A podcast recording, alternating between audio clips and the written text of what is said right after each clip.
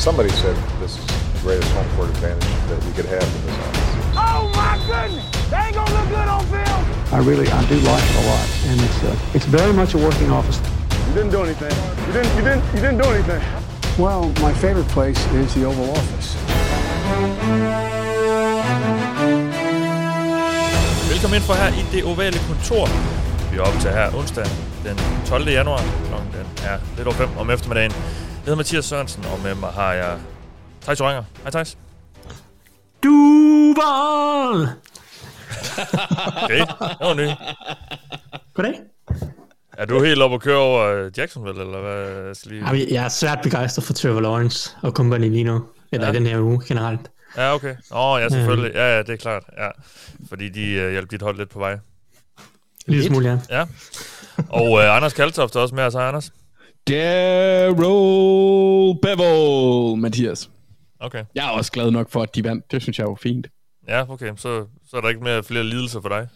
Ikke rigtigt, nej. Nej. Altså, jeg, tæ- jeg tænkte også, at, at det ville være 100% ren ledelse, hvis de kom i playoffs. Ja. Jamen, øh, og sidst men ikke mindst har vi Mark Skaft til Våbengård med os. Hej, Mark. Jamen, øh, hej hej. Hvem er du glad for? Wo- Wolf-brødrene der, eller hvad? Der fyrede, øh, der fyrede uh, Simmer? Ej, det er jeg også glad for. Nu, nu lever jeg bare sådan en, øh, hvor jeg sådan tjekker Twitter hver andet sekund for at se, om der bare skulle være noget, der minder om et rygte, så jeg kan få øh, feedet lidt af al den der øh, nysgerrighed, jeg har. Jeg ved godt, der ikke sker en skid de, her, de næste par dage, men det vil jeg bare gerne have, der gør. Ja. Så, øh, men, øh, men ellers er jeg glad over, at vi er nået til slutspillet. Ja, men det er jo det. Altså, det, øh, Og vi skal ja, snakke det om... over. og det er jo det, vi er samlet her i dag for at snakke om wildcard-runden i slutspillet. Og øh, vi kommer simpelthen til at gennemgå alle seks kampe, som øh, der skal spilles.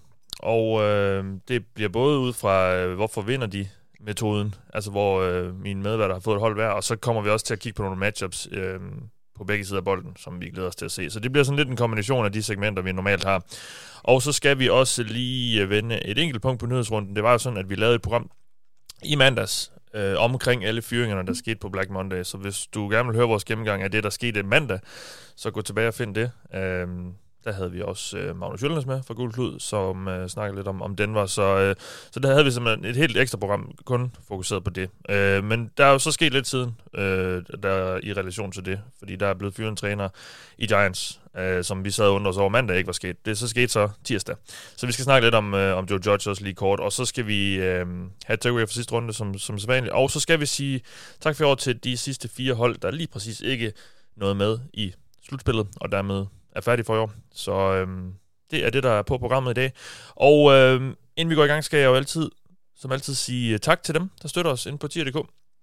Øh, vi har en masse øh, øh, rare mennesker. Der er en masse rare mennesker, der støtter os derinde, og det øh, kan du også gøre. Hvis du ikke allerede gør det ved at gå ind på 10er.dk e og finde det ovale kontor, så kan du altså støtte os med et valgfrit beløb for hvert program, vi laver. Og øh, de giver en masse til os, og vi giver jo lidt tilbage til dem i år. Så vi skal have trukket en, øh, en vinder af en af de her kopper, vi har fået lavet. Og det er jo sådan, så vi trækker lod blandt dem, der støtter os på tier.dk, og man får et femmer for hver lod, man støtter os med. Og øh, den heldige vinder i denne runde er...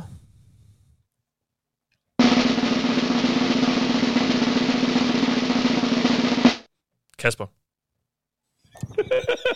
Nå, ham! Ja, det er med C. Tillykke, Kasper. det, det er med C. Tillykke det er med til C. Jeg vil, jeg vil ikke sige hele mailadressen, fordi det er der ikke nogen grund til. Men Kasper med C, det kan være, hvis, hvis du sidder derude og hedder Kasper med C, så kan det være dig, der har vundet. Jeg skal nok skrive... Og din e-mailadresse slutter på DK. Ja, så meget kan vi godt afsløre os. Og der er også et snabelag i den. Wow. Øhm, ja, så øhm, du skal lige holde øje, hvis du hedder Kasper med C, og støtter os på tier.dk med din øh, e-mailindbakke her de næste par dage, så hører du fra mig angående, hvordan vi får sendt den her kop til dig. Tillykke til dig, Kasper. Nå, lad os komme i gang, øh, de her, fordi øh, vi skal lige have, have vendt en del, inden vi skal snakke om kampen her. Um, Joe Judge blev fyret i New York Giants, og øh, det sad vi jo og, og undrede os over mandag, som sagt, at det ikke var sket. Nu skete det, så de skulle åbenbart lige have en, en dag ekstra i, i Giants-ledelsen til lige at tænke lidt over tingene. Um, så Joe Judge, han er færdig. Og Thijs, det var jo det, vi, vi, vi sad og, og måske håbede lidt på på, på Giants-fansens vej. Nu er det så sket, det, det var vel øh, nærmest uundgåeligt. Og du, jeg tror også, det var dig, der nævnte i, øh, i mandagens program, der, at det jo stadigvæk kunne nå at ske, og det gjorde det så. Ja, ja, det var lige, jeg var glad for, at jeg lige fik sagt det til allersidst i mandags, at øh, den måde, de, det var, jeg, jeg kom til at tænke på det, fordi jeg sad og kiggede på Twitter, og de, de interviewede, eller øh, begyndte, begyndte med alle deres TM requests, som var en masse folk udefra. Så tænkte jeg, okay, hvis de interviewer en masse folk udefra, så kan han sagtens stadig ryge. Ja. Og det gjorde han så, og jeg, som du siger, det var den eneste rigtige udvej, tror jeg. Jeg kan simpelthen ikke se, hvordan de skulle kunne fortsætte med Joe Judge, øh, sådan som holdet er kollapset i år, og alle, alle den muren i krogene, og øh, altså, der var bare for mange dårlige vibes omkring Judge, og, og den måde, han håndterede truppen på, den måde, han håndterede medierne på. Øh, og så synes jeg bare, det var for, det, det var for, det var for åndssvagt at ansætte en ny GM og længe ham til Joe Judge i det enkelte sæson for noget, der med al sandsynlighed ikke bliver godt. Og så skulle bruge hele årsiden på at prøve at øh, få en eller anden trup til at hænge sammen, også for Joe Judge og sådan noget. Jeg, jeg, jeg, synes, det var, jeg synes, det havde været mærkeligt øh, at beholde ham. Mm. Så øh, jeg synes, det er det helt, øh, helt rigtige valg, det eneste logiske valg, og nu glæder mig til at se, hvilken vej Giants går med, med deres GM og, og cheftræner. Det, det er et hold, som selvom at de har været langt nede i år, så, så har de en rimelig fornuftig vej ud af, ud af, ud af, sådan, ud af det mørke hul, fordi jeg synes, de har nogle draftvalg, og selvom de måske ikke har tonsvis af cap space, så synes, synes jeg, der er, er draftvalg, og der er nogle gode spillere på holdet stadigvæk. De mangler selvfølgelig en cornerback, de skal finde ud af, men der er, der er nogle brækker, man kan bygge rundt omkring øh, på resten af holdet, og det, det er trods alt øh, positivt i en eller anden forstand. Ja. Jamen, det bliver spændende at se, hvad der sker i, i Giants. De, de starter lidt forfra nu, øh, kan man sige, på, på flere fronter, og øh, det virker som om, der var et, et lettelsens suk for mange Giants-fans øh, oven på den her nyhed om, øh, om fyring af Joe Judge. Så, øh, så spændende at se, hvor, hvor meget de, øh, de vil rive det ned i, i Giants, og, og hvad der skal ske. Vi skal lige have takeaway fra sidste runde, inden vi siger farvel til, øh, eller tak for i år, til, til de her fire hold, der mister slutspillet. Mark, det er dig, der har fået, øh, fået lov til lige at tage lidt med fra sidste runde. Øh, ja, og tak for det. Øh, altså jeg kan godt lide at, øh, hvad kan man sige, trække lidt lange linjer og perspektivere lidt, og det, det vil jeg gerne gøre her. Øh, faktisk et pænt stykke tilbage til den gang, at øh, det blev annonceret, at nu kom der en, en ekstra spilleuge til grundspillet, fordi hvad, hvad tænkte man egentlig dengang, og, og, og hvad tænker man nu, ikke? Øh, nogle gange kan tilfældigheder spille en stor rolle i udfald med større konsekvenser, og det tror jeg måske, vi har været vidne til i sidste uge. Men øh, jeg skal nok prøve at forklare. Lad os lige starte med at snakke om, hvad, hvad skete der i sidste uge, og hvad endte det med, og, og hvad kan det så måske betyde fremover. Altså, da Coles tabte, der åbnede spillet sig. Øh, Steelers kom ind, og i aller sidste kamp, der afgjorde den her nye ekstra uge, der så har været lobbyet for, hvor man siger, at ud fra et underhandlingsperspektiv, der leverede den jo på alle måder, som, som man som fan kun kan sige, at man, det er derfor, man elsker den her sport. Det var helt ned til sidste sekund, det var, det var fuldstændig crazy. Uh, jeg skal starte med at sige, at jeg synes personligt ikke, at u 18 på papiret var særlig spændende, uh, da vi kom ind til den, fordi for mig virkede det lidt til, at de fleste udfald af de her kampe egentlig var ret klare. Men da Colts så taber, og det kommer vi så til igen, når jeg skal sige farvel til dem, hvor tavligt det nederlag det var, så startede dominobrækkerne ligesom med at falde, og spændingen blev ligesom intensiveret i løbet af aftenen, og så kulminerede det så i den her Chargers Raiders brag. Øh, og så synes jeg alt i alt, at altså, så ender man med at kunne sige, at U18 var en kæmpe succes, som i den grad kan bruges i en forhandling om at forlænge grundspillet yderligere på sigt. Altså den, den Chargers Raiders kamp øh, var jo toppen af kransekagen, og Hollywood kunne ikke have skrevet det bedre. Og igen, jeg må bare sige, jeg tror, det her det styrker pengemændene i NFL i deres sag om at fortsætte deres udvidelse af grundspillet. Selvfølgelig kommer man ikke til at gøre det hele, men jeg tror helt sikkert, at den underholdningsværdi, vi lige har set, har fået netop de her folk, der sidder på økonomien i NFL, til at ånde lettet op og gnide sig i deres hænder og sige, okay, det var en succes det her, øh, fordi var U18 bare endt med at løbe ud i sandet og være en, hvad kan man sige, omvendt øh, preseason, hvor der nærmest ikke havde været noget på spil, og, og ratings kunne være ligegyldige, ja, så tror jeg, så havde ideen om at udvide yderligere, som vi ved, de gerne vil, måske været sendt lidt til hjørne noget tid, øh, fordi så vil alle, inklusive journalister og Twitter og så videre, snakke om alt det her ud fra et helt andet perspektiv, end man gør nu, men nu kan folk jo ikke få armene ned, fordi at, at der var den her ene kamp, og, og fordi den, det skete på den måde, som det gjorde. Så, øh, så mit takeaway må være, at, at i sidste ende, så må U18 jo ses som et, øh, et succesfuldt projekt, som øh, jeg, synes, jeg tror, det var heldigt, at det, det skete sådan, synes ikke, det var det, der var lagt op til, men, øh, men det endte med at være, og jeg tror faktisk godt, at det er sådan en, som man vil referere til senere hen, når man med spillerforeningen skal sige, vi skal have nogle flere kampe, der tæller. Mm. Men det kunne jo lige så godt være sket i nu 17. Altså, det, det var bare fordi, det ja. lige var sidste runde. Det, det er også det, jeg siger. Jeg tror, ja. det, jeg tror, det er super heldigt. Ja, ja. Men, men, men, men når det nu engang falder sådan ud, som det gør, så, er det, så kan man jo bare pege ned på et stykke papir, som der står u 18, og du kan du huske, hvor ja. vildt det var. Altså, og det er jo nogle gange, det er også det, jeg startede med at sige, nogle gange er det bare tilfældigheder, der skal være med, kan være med til at, at være brækker i et større spil, og, øh, og selvom at det her det var tilfældigt, og som du selv siger, kunne have været sket i uge 17, så skete det i uge 18 på det år, hvor det blev udvidet, og det tror jeg, man vil bruge til noget. Ja, det går godt være. I sidste ende kigger de jo nok bare på, det er flere kampe, flere betydningsfulde kampe, og det, det synes de er fedt. Så er der, så er der flere tv-reklameblokke og, og sælger osv det er klart, at det, er jo, det, er jo en, altså, det skal nok blive udvidet. Det tror jeg, man kan sige. Striden ligger jo øh, egentlig begravet imellem det der med, om man vil have... Det er jo spillerforeningen mod resten af, af gruppen om, omkring, om, om spillerne kan blive skadet, og om meget de skal hvile. Og, altså, det, det er jo nogle helt andre ting, man også snakker om. Men jeg tror bare, at det her det vil blive fremhævet som et argument, og en måde for engageret fansene at sige, I vil også gerne have mere af det her mm. fodbold, ikke? Kan I huske uge 18, hvor fedt ja. det var? Uh, og, og det er bare sådan nogle ting, der virker. Ja. Vil jeg tro. Ja, Jamen, øh, lad os lige få, øh, få sagt tak for i år til, til de her fire hold, der altså missede slutspillet her i weekenden. Øh, der var jo tre pladser, der kunne spilles om, og syv hold, der kunne få dem. Og øh, det efterlader så fire hold, der er færdige for i år nu. Og et af dem, Anders, det er dit hold, Baltimore Ravens. Ja. Um, hvad, øh, hvad er der at sige om den her sæson, som, som jo... Øh, ja, det må være skader, der næsten er overskriften, tænker jeg. Ja, det er første punkt. Mathias, ja. hvordan, hvordan i alverden kunne du gætte det? ja. Ja, øh, skader, skader, skader. Det, det, det er det primære. Øh, det er et samlet. Der er så, det er så svært at tage ret meget med fra den her sæson. Øh, fordi vi, altså, men den starter ud med, at vi har, vi, inden, inden sæsonen overhovedet starter, får vi en række rimelig vigtige skader. Marcus Peters er, er en af dem. Øh, en af de mere centrale i forhold til, hvordan vi som hold øh, evner at spille, fordi ham og Marlon Humphrey sammen gør enormt meget for Wink Martindales muligheder i forhold til, hvordan han skimmer sit spil. Fordi uden coverage, der er det svært at, at få pres via schemes, og det er Ravens måde at få pres på. Øhm, så, så det gik galt allerede inden det startede, kan man sige. Øh, I starten så havde man sådan en følelse af, at okay, hvis Lamar han er på banen, og han spiller godt, så kan de vinde mod alle hold. Øh, vi fik slået Chiefs endelig.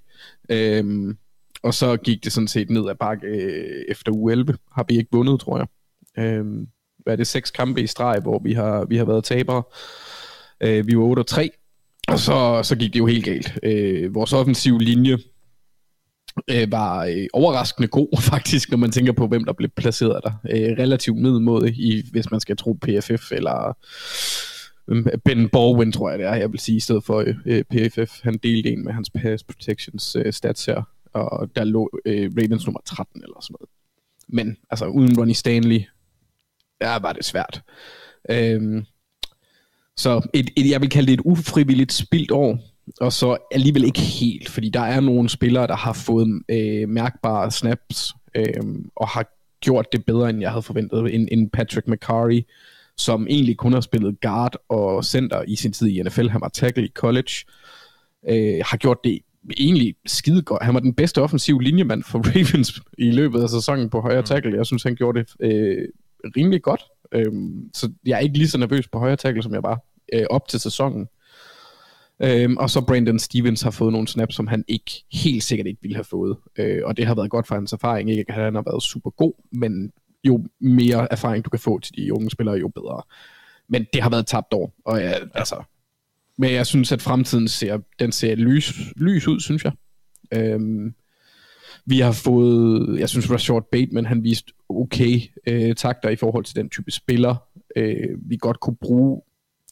Og så tror jeg på, at øh, den offensive linje bliver bedre, når den bliver øh, skadesfri, og får lidt mere tid sammen, og forsvaret vender tilbage til. Og, altså, med, med, med den secondary tror jeg ikke, at vi mister ret meget. Mm.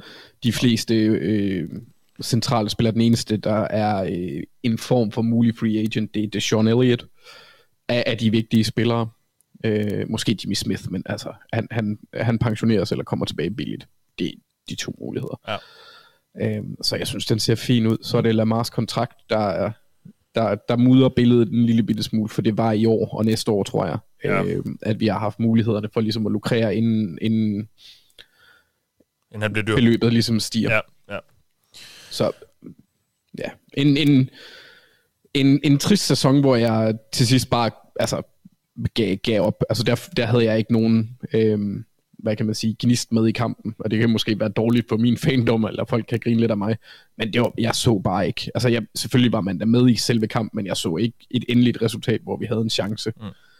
Øh, for noget som helst. Så. Ja, jamen øh, må ikke det, det kommer til at, at gå lidt bedre i, i Baltimore næste år. Det, det kan det næsten kun gøre. Det plejer det. Jeg vil sige, ja. at i år, det var worst case, Ja, inklusiv ja, skader. ja. Altså, hvis man tager skader med i det hele, så, Ja. så, så, så synes jeg, alt gik galt, hvad der kunne gå galt. Jeg, jeg synes egentlig, hvis jeg skal sige én ting, der er positiv, jeg synes, John Harbaugh og trænerstaben har gjort det fremragende.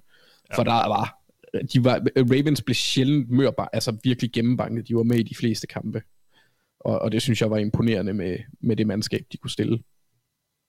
Lige bortset fra, når de mødte Cincinnati. Jo jo, men, men det er jo generelt for alle. i- Eller Steelers. Jeg skulle nævne den. Ja, de var eders bare... Ej, nej. Steelers Ravens var tætte kampe, og Nej, nej, nej. kampe- Ravens fik klø i begge kampe, jeg snakker om. Ja, ja. 19-13. Fuh, fuh. Og 21-19. Fuh. Eller 20-19. 21. Ja, ej, fuck, mand. Det er jo... Ja, Thijs har ret. Jeg er færdig. Jamen, så lad os... Ravens fik øh, bare smæk. Ja, det gjorde det imellem. øhm, jamen, lad os smide den over til dig, så Thijs. Du skal sige tak for i år til, til Saints. Yes. Fra et hold, der var pladet skader, til et andet hold, der også var pladet skader. Ja. Øhm, det, det har også været en svær sæson for Saints, men, men, men ligesom lidt Anders, hvor han synes, at Harbour har gjort det godt, så synes jeg også, det her det her det er endelig stempel på, på Sean Paytons evner som head coach, øh, og Dennis Allen som defensiv koordinator. Jeg synes, de har gjort det mesterligt, øh, begge to. Øh, Saints har i år fået samlet et topforsvar, som har holdt dem inde i den her sæson, og gjorde, at de var lige ved at komme i slutspillet. Øh, og og det, det er selvfølgelig stor kredit til Dennis Allen, øh, som virkelig har fået, altså selvom at Saints de roder rundt med kappet hver eneste år, så får de alligevel helt vildt meget ud af det, og har bare en rigtig god kerne på forsvaret.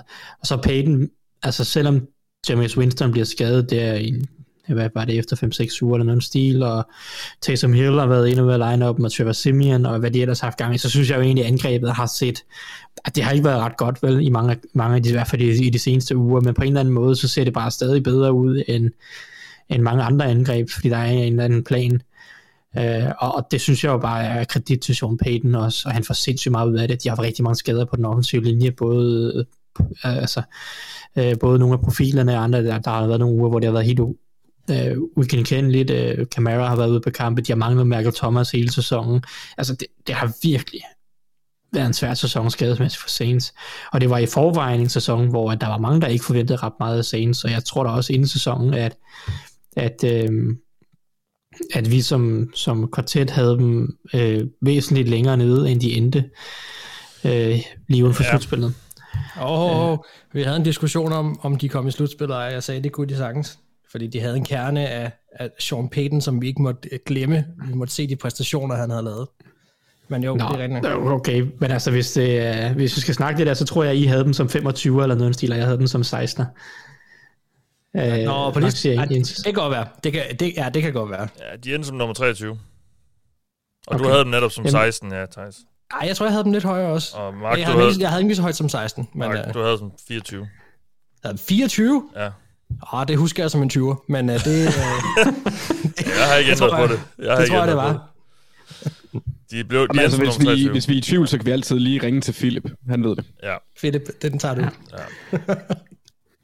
Yes. Nå, men altså, jeg synes egentlig, at, at, at Saints har haft en rigtig god sæson på rigtig mange punkter. Uh, at, at, at Sean Payton i en sæson, hvor de i forvejen havde nogle store spørgsmålstegn i en sæsonen, har haft så mange skader, og alligevel får sat et konkurrencedygtigt hold på banen. Det synes jeg bare øh, vidner om kvalitet i trænerteamet. Og hvis de kan holde på Dennis Allen, hvilket det ser ud til, at de kan, fordi han virker ikke til at være et varmt navn som cheftræner, så ser jeg også, synes jeg, Saints står rigtig godt næste år. De har bare et problem. De skal finde ud af, hvem der skal spille quarterback. Det er selvfølgelig også et ret betydeligt problem. Øh, og og det, det må de jo prøve at angribe aggressivt. Altså der er selvfølgelig nogle ældre spillere, der er nogle free agents i Marcus Williams og Teron Armstead, uh, som de skal prøve at håndtere. Men ellers så er kernen på det her Saints hold rimelig meget det samme næste år, og så, øh, så handler det om at finde en løsning på quarterback og wide receiver, og det er det, de skal bruge hele deres offseason på. Altså det, hvis de får adresseret det og, og forbedret sig der, så, så kan jeg ikke se, hvorfor Saints øh, ikke igen skal være et, et rigtig trælshold at møde i, i næste, øh, næste sæson. Så jeg synes, det har været en positiv sæson for Saints, omstændighederne taget betragtning, og jeg synes, Ja. det har været en, en flot sæson af, af trænerteamet, men- ikke mindst. Jamen, så lad os få øh, sagt tak for i år til Indianapolis Colts. Og Mark, det er dig, der har fået ansvaret for at gøre det. Ja, jeg skal sige, jeg tror måske, jeg kom i tanke om, hvor det var, jeg var optimistisk omkring Saints. Det var vist de deres quarterback-duo, øh, der vi rangerede quarterbacks. Ja. Men uh, der, der husker jeg det i hvert fald sådan, men, men lad det nu ligge. Ellers så Philip styr på det. Ja, der havde du dem som 21. Okay, nå, så var vi, andre, der og omkring. vi andre var nede omkring 30. Ja, Af, afslører dig selv som pro Taysom Hill. ja. Ah, jeg tror, det var spændingen, kombinationen af de to sammen der, som nok blev en 80-20 på, på Winston, Ja, ja. ikke? Men, Ja, øh, ja, ja, det siger du bare. Ja. Du, for, du forsøger, Anders. Jeg ved godt, hvad det er, du gør. Men det virker ikke, Anders. Bare sæt dig ned. Bare rolig, jeg, jeg, jeg sidder ned. Jeg har holdt ryggen. Jeg har siddet ned, siden jeg kom hjem. Det er godt at høre. Godt at høre, du sidder ned. Hvad var det, vi skulle snakke om? Coles? Ja, altså, øh, ja. Shit, hvad? Altså, den her sæson, den, den kører noget op og ned. Ja. Og det er jo ikke fordi, at de skulle regnes som Chiefs eller Buccaneers eller noget af den stil, men altså, der var der virkelig en tro på her til sidst, at de skulle komme i slutspillet. Specielt fordi, at deres forsvar virkelig var begyndt at ligne noget. Altså masser af takeaways, øh, flotte kampe i træk, og ja, de var vel det, man beskrev som et brandvarmt hold, der så blev slukket af Trevor Lawrence og Jaguars, som så også spillede flot. Dejligt at se Lawrence Balle. Øh, men lad mig lige slå fast, at den her afslutning på sæsonen er en af de mest ærgerlige og taglige måder, jeg har set et hold tabe muligheden for at øh, komme i slutspillet på. Og jeg er altså Vikings-fan. Jeg har set ret meget. Øh, de taber en kamp om at komme i slutspillet mod et hold, hvor de er så altså kæmpe store favoritter. Og hvis fans sidder i klovnekostymer på tilskuerpladserne for at protestere mod deres egen ledelse, altså, og hvordan deres franchise bliver kørt på. Nu var jeg lidt ved Hollywood til at starte med mit take fra, fra sidste uge. De var vist også lidt over, en, lidt over i den her kamp, fordi en tragedie på, af den kaliber kan man vel nærmest kun skrive eller lave på film. Det, det, det er jo katastrofalt jo. Men når vi så kigger på præstationen, strækker den ud samlet set over sæsonen, så bliver vi jo også nødt til lige at runde Carson Wentz, der åbenbart har en kraftig allergi for at komme i slutspillet. Og det er jo selvfølgelig ikke optimalt, når det netop er den grund, han er hentet til klubben. Hvis vi kigger lidt på hans tal, og jeg har brugt PFF her, så var Wentz EPA dårligere end sine tre forrige sæsoner, og han havde, han havde i år sin anden dårligste PFF passer grade set, øh, altså nogensinde, men set over hele 2021-sæsonen. Og det kulminerede så også i den her sidste kamp, hvor han nærmest alene tabte den. Øh, Men i hans nedtur, så skal vi jo alligevel også se på noget af det positive, der har været, fordi Jonathan Taylor, han kom jo virkelig i gang i den her sæson, og øh, skulle man møde en bedrøvet Coles-fan i en mørk gyde, der vil se tilbage på noget godt for den her sæson, så vil det jo nok være Taylors ret vilde tal, som han hiver frem. Eller, ja, lad os Ja. i hvert fald håbe, det er det, han hiver frem. Men, men Taylor gjorde det jo godt. Øh, og det gjorde han så også, fordi deres offensive linje kontra, hvad de var i pass protection, faktisk var forrygende i løbeangrebet.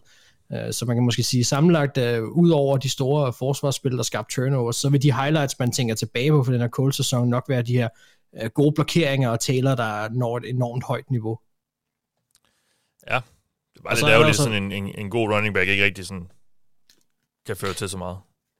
Det, det må man sige, ja. Altså, vi havde jo primært eksemplet med, med Christian McCaffrey, da han, da han brød alle rammer og murer for, hvad en, øh, hvad en Ja, running back ja. kunne, og så Panthers gik 5 og 12, eller hvad det var, ikke? Ja, ja. Altså, så, så ja, men jo jo, endnu en gang, altså, øh, igen, han er, det vil være en, det er en god addition at have øh, til, og Taylor kunne også øh, vinde dem noget i løbet af sæsonen, men, men ja, det bliver meget klart, det ikke er nok. Ja, det er Og hvad bringer fremtiden så? Ja, det er jo så det.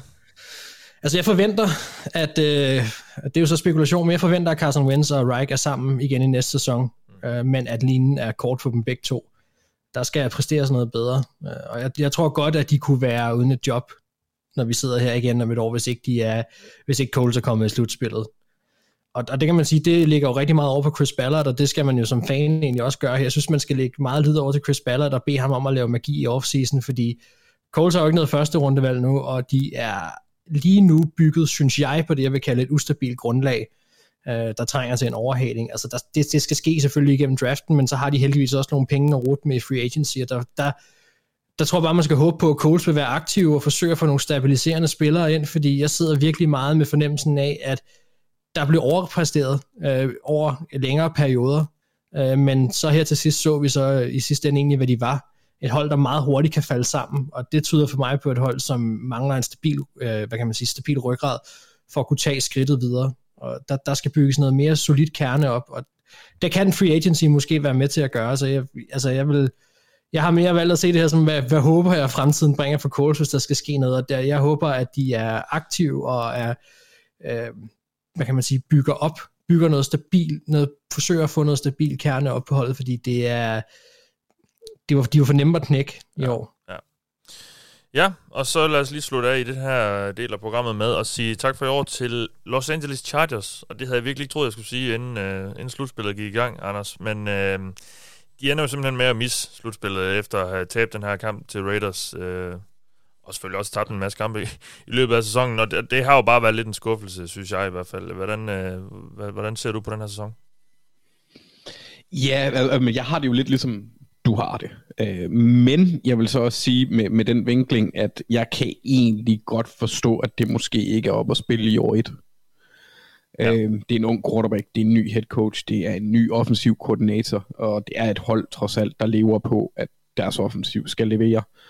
Øh, og den må jeg ærlig om, jeg synes, det, det tog sgu lidt tid, før de egentlig begyndte at, at, at lade Justin Herbert udfolde sig lidt. Det, der var lidt for meget breeze over angrebet i starten af sæsonen.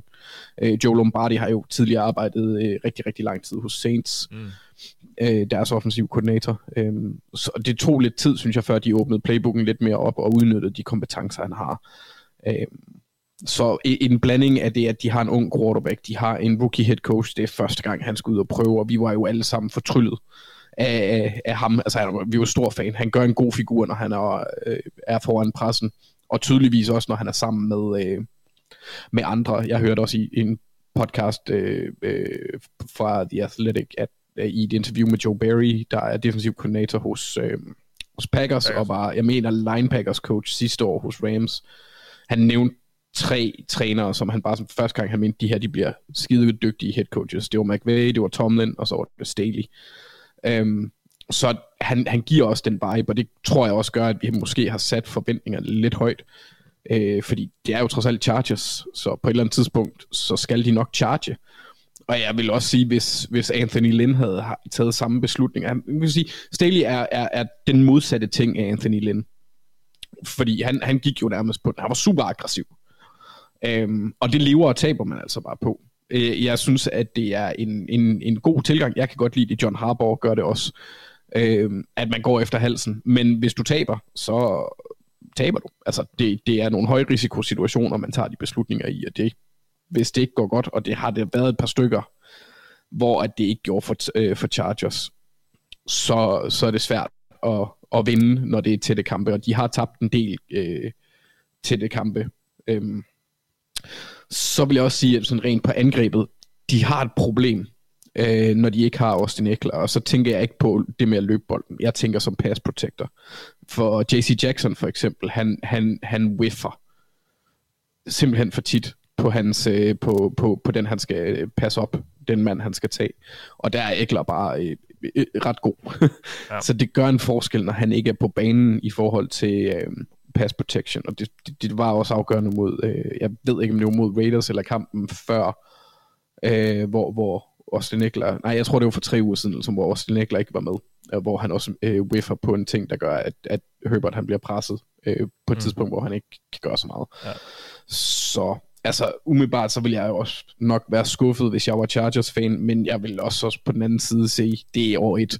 De skal også lige have lov til at finde deres øh, stil og få noget kontinuitet ind på, øh, på holdet, og det tager sgu lidt tid.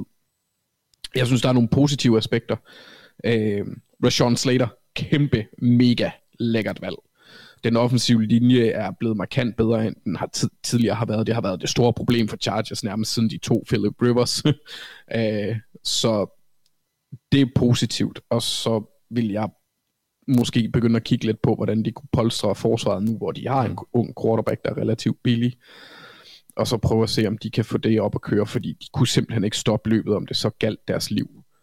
Og det, det, det ved jeg godt ikke er super vigtigt, men hvis du bare er pisse dårlig til det, så kan det blive afgørende. Og så ja, det, det var også lidt, kan man sige, sådan Raiders, de ligesom fik afsluttet det, selvom det jo selvfølgelig er en situationsspecifik ting, men det var to løb, der sluttede Chargers sæson, fordi de Mm. ikke kunne stoppe det. Ja.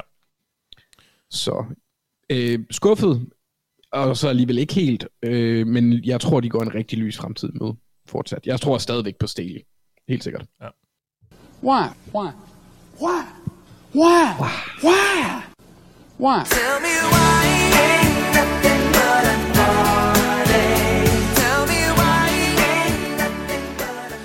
Yes, så er vi nået til det, vi har glædet os til, nemlig at snakke om kampene her i wildcard-runden. Og som sagt, som jeg fik start, øh, nævnt i starten af programmet, så kombinerer vi det lidt med vores, øh, hvorfor vinder de normale tilgang, og så øh, nogle bud på nogle matchups, vi også glæder os til at se.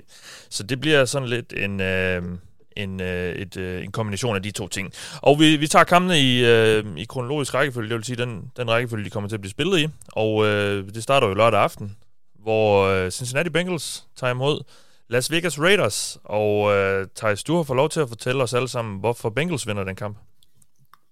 Ja, og det er jo svært, fordi Bengals har det med at tabe slutspilskampe. Ja. Øh, nej, den skulle jeg lige have afsted inden. Ja, Sorry. ja, det er fint. Jamen, når, det, når det er 31 år, så må, så må man også godt sige det.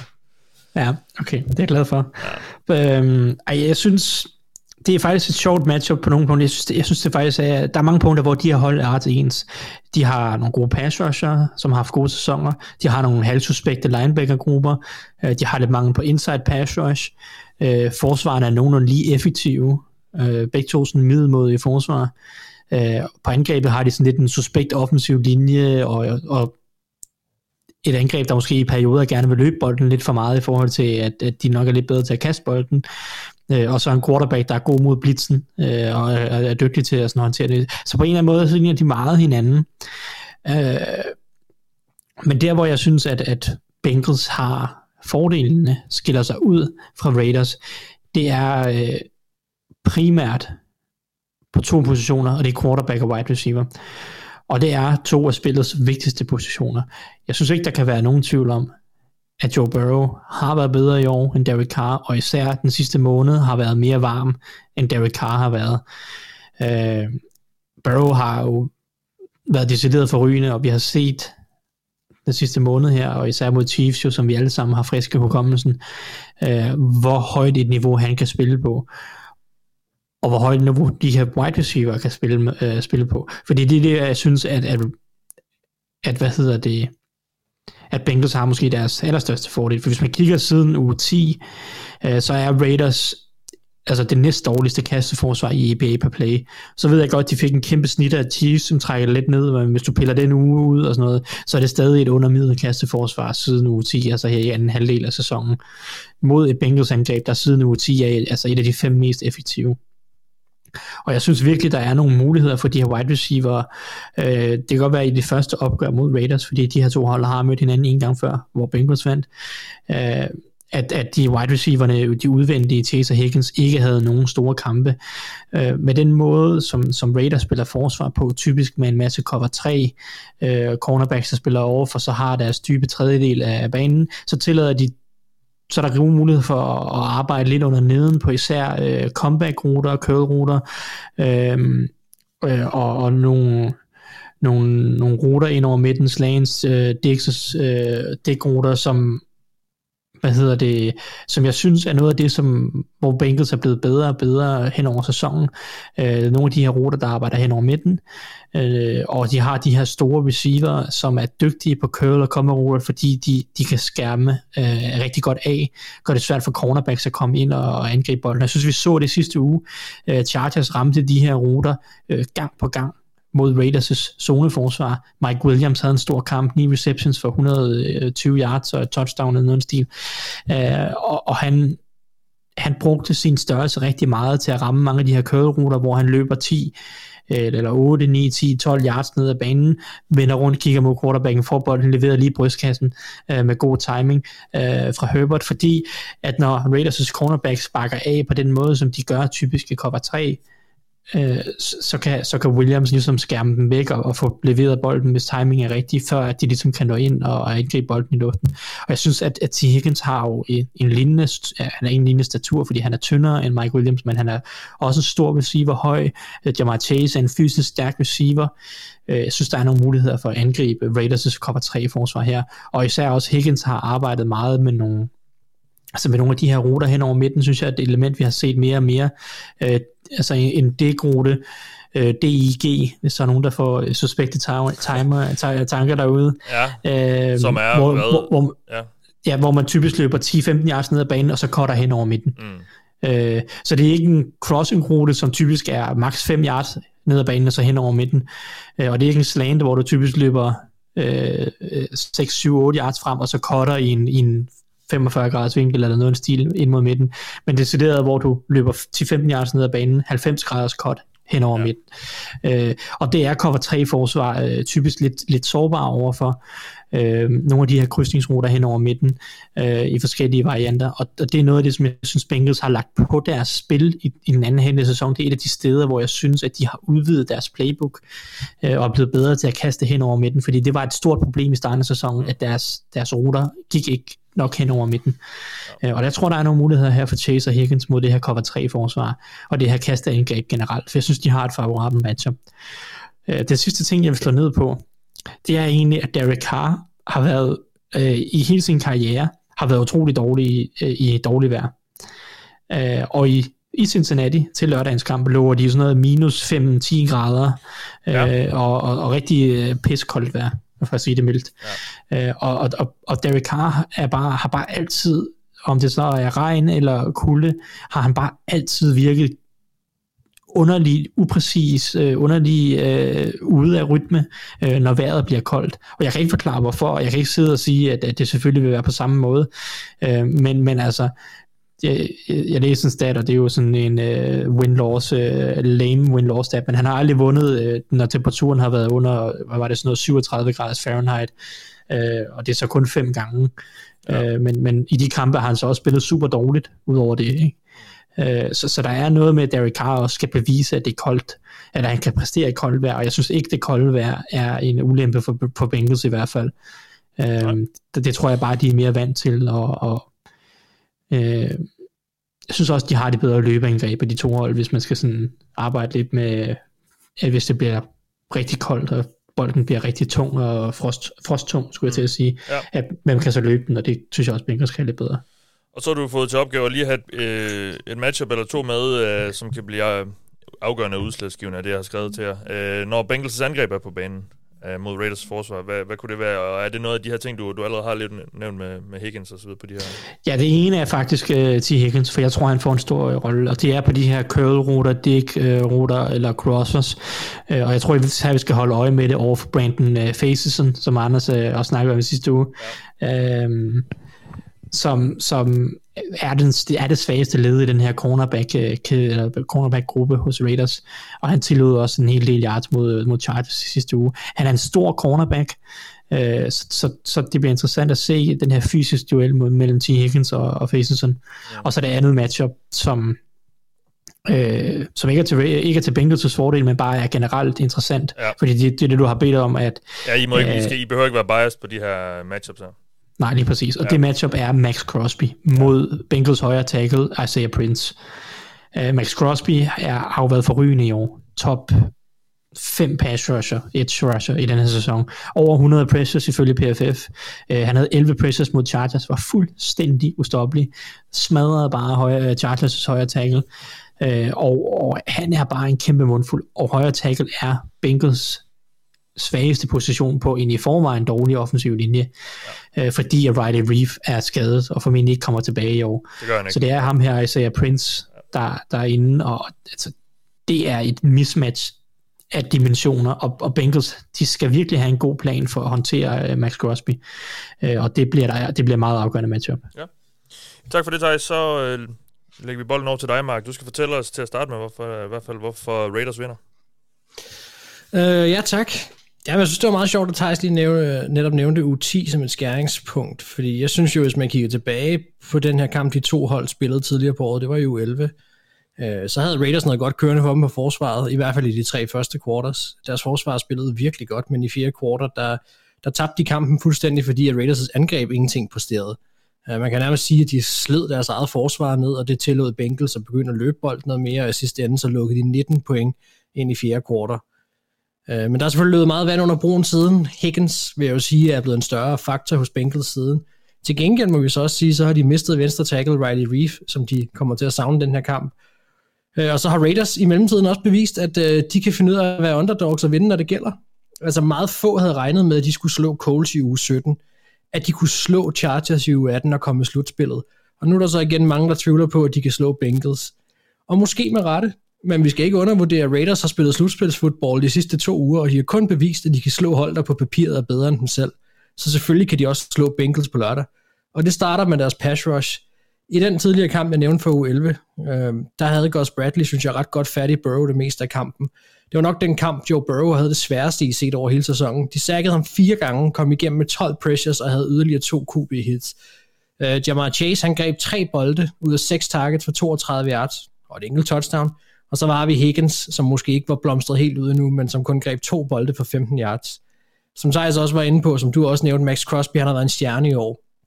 Og igen, vi må bare tage Chargers-kampen, som han også nævner. Øh, de der 11 pressures, det er, det er jo helt vildt. Og som nævnt også, han skal stå over for Isaiah Prince, der kommer til at stå på skøjter. Altså Crosby er en kæmpe faktor, og hans tilstedeværelse alene kommer til at være enormt sjov at monitorere i løbet af kampen. Fordi hvis han smadrer Prince tidligt, så kan det jo være, at Bengals vurderer, at han skal have ekstra hjælp over på den side, og det rykker jo, må man sige, ved dynamikken på linjen. Så øh, altså Raiders forsvar har vist, at de kan give dem selv en chance mod Bengals, og kan de gøre det igen, og det tror jeg godt, de kan, jamen øh, så, så er der lagt i kakkeloven til, at opsæt kan ske, øh, og så er det så op til Carr at gøre arbejdet færdigt på den anden side af bolden. Og her kommer vi egentlig lidt ind på mit matchup, som ja. faktisk for mig er to spillere kombineret, øh, fordi det er kombinationen af Hunter Renfro og, og Darren Waller mod midten af, af Bengals forsvar. Øh, jeg vil godt starte med Hunter Renfro, som for mig er nøglen til angrebet. Altså han liner mest op i slot, men han er altså også brugt på ydersiden. Øh, og sidst de mødtes i uge 11, hvor det var Waller, der stod i showet, øh, og siden efterfølgende blev skadet ugen efter og har siddet ude, ind, ude indtil sidste uge, så har Renfro i mellemtiden udviklet sig fra en third and Renfro til en alt mulig mand og, og nøglen til angrebets rytme. Og det bliver han også i den her kamp. Men det skal jo ske, hvis de skal hen og, og gøre det, de ikke kunne gøre sidste gang i en kombination med Darren Waller, som forhåbentlig er mere frisk tilbage. Øh, det, er, det er vigtigt, fordi Raiders har brug for, at deres angreb netop kan vise noget mere, end de gjorde sidst. Bengals har, har skruet op for charmen på angrebet siden uge 11, og, og i sidste ende, hvis de skal kunne følge med, hvad Burrow og Chase øh, lykkes med at sætte på tavlen, så, så, skal der noget, så skal der gang i noget der. Og det var det, var det de manglede sidst. Også selvom vi så, at Darren Waller var skadesfri og greb sin bolde, så manglede der ja. den der ekstra dimension, som Renfro sidst har vist, at han kan være. Øh, de skal arbejde ind over midten, og det skal de gøre via kastet. Bengals var nummer 24 samlet set mod, øh, mod kastet. De, ved, de har en, en, en, en svaghed over midten, hvor Raiders har brækkerne til at kunne udnytte og jamen, potentielt dominere, øh, hvis de får lov. Og dermed så kan de rykke bolden, bakke op om deres forsvar og Max Crosby, modsat u 11, øh, hvor de nærmest modarbejdede deres eget forsvar. Og kan de det, øh, og kan Bengals på en eller anden måde, øh, eller kan Bengals ikke få lukket ned over midten, så tror jeg, det bliver enormt svært øh, for Bengals. Men kan Bengals til gengæld sørge for at, at, at lukke midten af banen ned, så, så tror jeg ikke, der er meget kamp i det. Øh, så, øh, så bliver det rigtig svært, fordi det, så har Bengals, øh, vil jeg sige, overtaget stadigvæk. Så den matchup der, og det, hvad der kommer til at ske i den kamp, der ind over midten, der bliver virkelig interessant. Ja. Men, men hvis vi vender tilbage til hele med, hvorfor vinder Raiders? Raiders vinder, fordi at de, øh, ligesom Bengals, synes jeg også er brandvarme og bevist, at de kan vinde mod bedre hold, når det gælder. Fordi deres forsvar, ikke mindst deres pass rush, har vist, at de kan ramme Joe Burrow, og fordi at de nu, modsat u 11, faktisk beviser, at de har fundet mere end bare en dimension på deres angreb til at flytte bolden mere solidt og spille som et komplet hold. Ja, det bliver spændende at se. Altså, Bengals er jo, i hvert fald i bookmakeren, så er en ret stor favoritter, men jeg synes faktisk øh, ikke, det, det ser så, så godt ud, som det måske gør på papiret, altså, fordi, netop fordi Raiders' styrker liner ret godt op med, med Bengals' svagheder. Øhm, Ja. Så, øhm, så, så jeg, jeg, jeg tror, det bliver tættere, end, end nogen måske lige tror. Øh, selvom det som så, jo godt kunne se ud, som om det var det bedst mulige scenarie for Bengals at møde Raiders, som er jo lidt af sådan, lidt af haltet ind i, øh, det er de jo ikke, men fordi de, de jo har jo vundet øh, de sidste par kampe for at komme i slutspillet, men det er jo ikke et hold, der har set sådan super godt ud over Nej. hele sæsonen. Øh, så Det er, ja, det, det er altid det farligt, spændende. altså det, man kan sige, det er med rette, synes jeg stadigvæk, men det er altid farligt at undervurdere et hold, som har bevist, at de kan vinde. Og, og Bengals, ja. eller Raiders, har lige slået øh, både Colts og Chargers, hvor de også havde noget på spil. Ja, Øh, og, og, og, og det er hold, man regnede med skulle have været i slutspillet, ikke? Ja, og, så, og alt øh, presset vil være på Bengals nu, fordi, Det er øh, det. fordi de har, de har stjernequarterbacken i, de her, i det her matchup i hvert fald, og de har, de har haft en rigtig god sæson, og Raiders har ikke noget at tabe nærmest, fordi de, øh, de, de har bare kommet fra baghjul og, at snide sig med i slutspillet. Og Med der er en ikke interim noget- head coach og alt Ja, ja, muligt, præcis. altså, der, er ikke, bare- der er ikke nogen, der regner med noget for dem, så, Nej. så det bliver jo, øh, de, de kan spille sådan rimelig frit. Uh, så det bliver Ja. ja. spændende at se. Jamen, så lad os tage den anden øh, kamp, øh, også lørdag. Øh, eller endnu en lørdagskamp, det er så natten, natten til søndag dansk tid. Og det er divisionsopgør. Uh, det er Bills mod Patriots. Vi skal se for tredje gang her i sæsonen. Og uh, Anders, du skal fortælle os, hvorfor uh, Patriots vinder. Ja, øh, men altså det gør de for det første, fordi det bliver pisse fucking koldt i Buffalo. Der er afhængig af, hvem man spørger selvfølgelig. Men den, øh, øh, øh, hvad hedder det, vejr side, jeg har, øh, jeg, har, jeg har søgt på, der skulle det blive minus 12 grader. Øhm, og så længe der er nogle eksterne aspekter, der påvirker kampen, så har Bill Belichick fordelen, fordi han jo bare er et øh, geni. Det fodboldmæssigt geni er han jo. Øhm, men jeg tror, øh, eller Patriots de vinder det her matchup via en blanding af de to kampe. Øh, læner sig lidt op af opskriften, der var i den første kamp, hvis man så lige ser bort fra kasteaspektet. Men de skal have et dominerende løbeangreb. Det bliver de nødt til, og det kan godt lade sig gøre mod Bills, øh, som har et gennemsnitligt løbeforsvar. De, øh, de snitter, eller tillader i snit, mener 4,2 yards per carry, mens øh, Patriots de så får 4,4 yards per carry. Så, så de, de har lidt en fordel der, øh, Patriots. Og så er det ekstremt vigtigt, at øh, Matt Jones, ikke Matt, Mac Jones, undskyld, at McCorkle Ja. øh, spiller, øh, ikke, ikke skal ud og, og, og forsere. Øh, det er et af de problemer, man kan altid vil have med en rookie quarterback, det er, at hvis du bliver nødt til at sætte kampen på hans skuldre, så er der en større chance for, at et forsvar kan gå hen og forvirre ham. Og, og, og det er jo ikke fordi, at McDermott han ligefrem er en dårlig defensiv hjerne, eller, eller Leslie Frazier er deres DC, ikke? Jo. det er ikke dum, det er ikke uerfarne herrer, det her. Det, de ved godt, hvordan man skal, skal coache på forsvaret, så det kan de godt udnytte. Og det vil være et problem, også fordi Patriots som sådan, det er jo ikke et eksplosivt angreb. De henter ikke point hurtigt. Um, så det skal være en relativt, det bliver en relativt lavt scorende kamp, så den kommer til at ligge i 20'erne eller under øh, i en Patriots sejr. Og, øh, og det centrale matchup, jeg har for Patriots, det er simpelthen, og jeg ved godt, det er lidt kedeligt, og det kommer til at være en gentagende ting, men det har også lidt at gøre med de hold, jeg har fået. Det bliver den offensive linje mod den defensive linje. Fordi hvis Patriots, de kan vinde matchuppet med, med, med deres offensive linje øh, mod Jerry Hughes og Harrison Phillips, og Oliver Rousseau, Ebenezer, alle de der banditter, Addison og Lutelele, så har de en reel mulighed, synes jeg. Øh, og det er sådan set den vigtigste for mig. Det er selvfølgelig også nemt, når det er 10, det, det er 10 spillere som minimum, der skal stilles over for hinanden. Jeg har valgt i et matchup her. Øh, men det er det centrale matchup for mit vedkommende. Det er den offensive linje. Fordi den kommer til at diktere, hvad Josh McDaniels han kan, han kan smide i hænderne på Mac Jones. Mm. Og så, så er jeg også lidt spændt på at se uh, Kendrick Bourne mod uh, Bills uh, cornerback 3, som jo reelt set er cornerback 4, fordi Trey White han blev skadet tidligere på sæsonen. Om det så er Teron Johnson eller Cameron Lewis, der møder Kendrick Bourne, det ved jeg ikke. Men jeg er rigtig spændt på at se, om de kan udnytte det matchup. Øhm, egentlig vil jeg også gerne have kigget på tight ends, fordi der er, altså, Bills linebacker er gode, men de kan godt presses. Men Patriots, de har, det, det er primært i red zone, og, og Hunter Henry. Jeg, jeg, jeg, vil, jeg vil blive lidt glad, hvis de inkorporerede lidt John i, i den her omgang. Men, men som udgangspunkt, så er det den offensive linje og Kendrick Bourne, der fører vejen. Og så selvfølgelig, det, altså, med den offensive linje, så mener jeg også, altså både protection og så øh, evnen til at blokere for øh, Damian Harris, eller, eller hvem, Bolton, Brandon Bolton, hvem end der nu kommer til at, at løbe bolden. Ja. Og, og så til sidst, det er så ikke et matchup. Jeg tror, vi, vi kan nok godt forvente, at der kommer nogle trickspil ind på banen. For det gør øh, Josh McDaniels, når han føler, han... Ja, og det vil jeg sige, den her, altså Bills er favoritter i min optik. Så har han en, en, en plan klar, så jeg kunne godt forestille mig, at vi får et kast fra en øh, Jacoby Myers måske, for eksempel, eller en anden Okay. en. Ja, spændende. Hvad at holde øje med.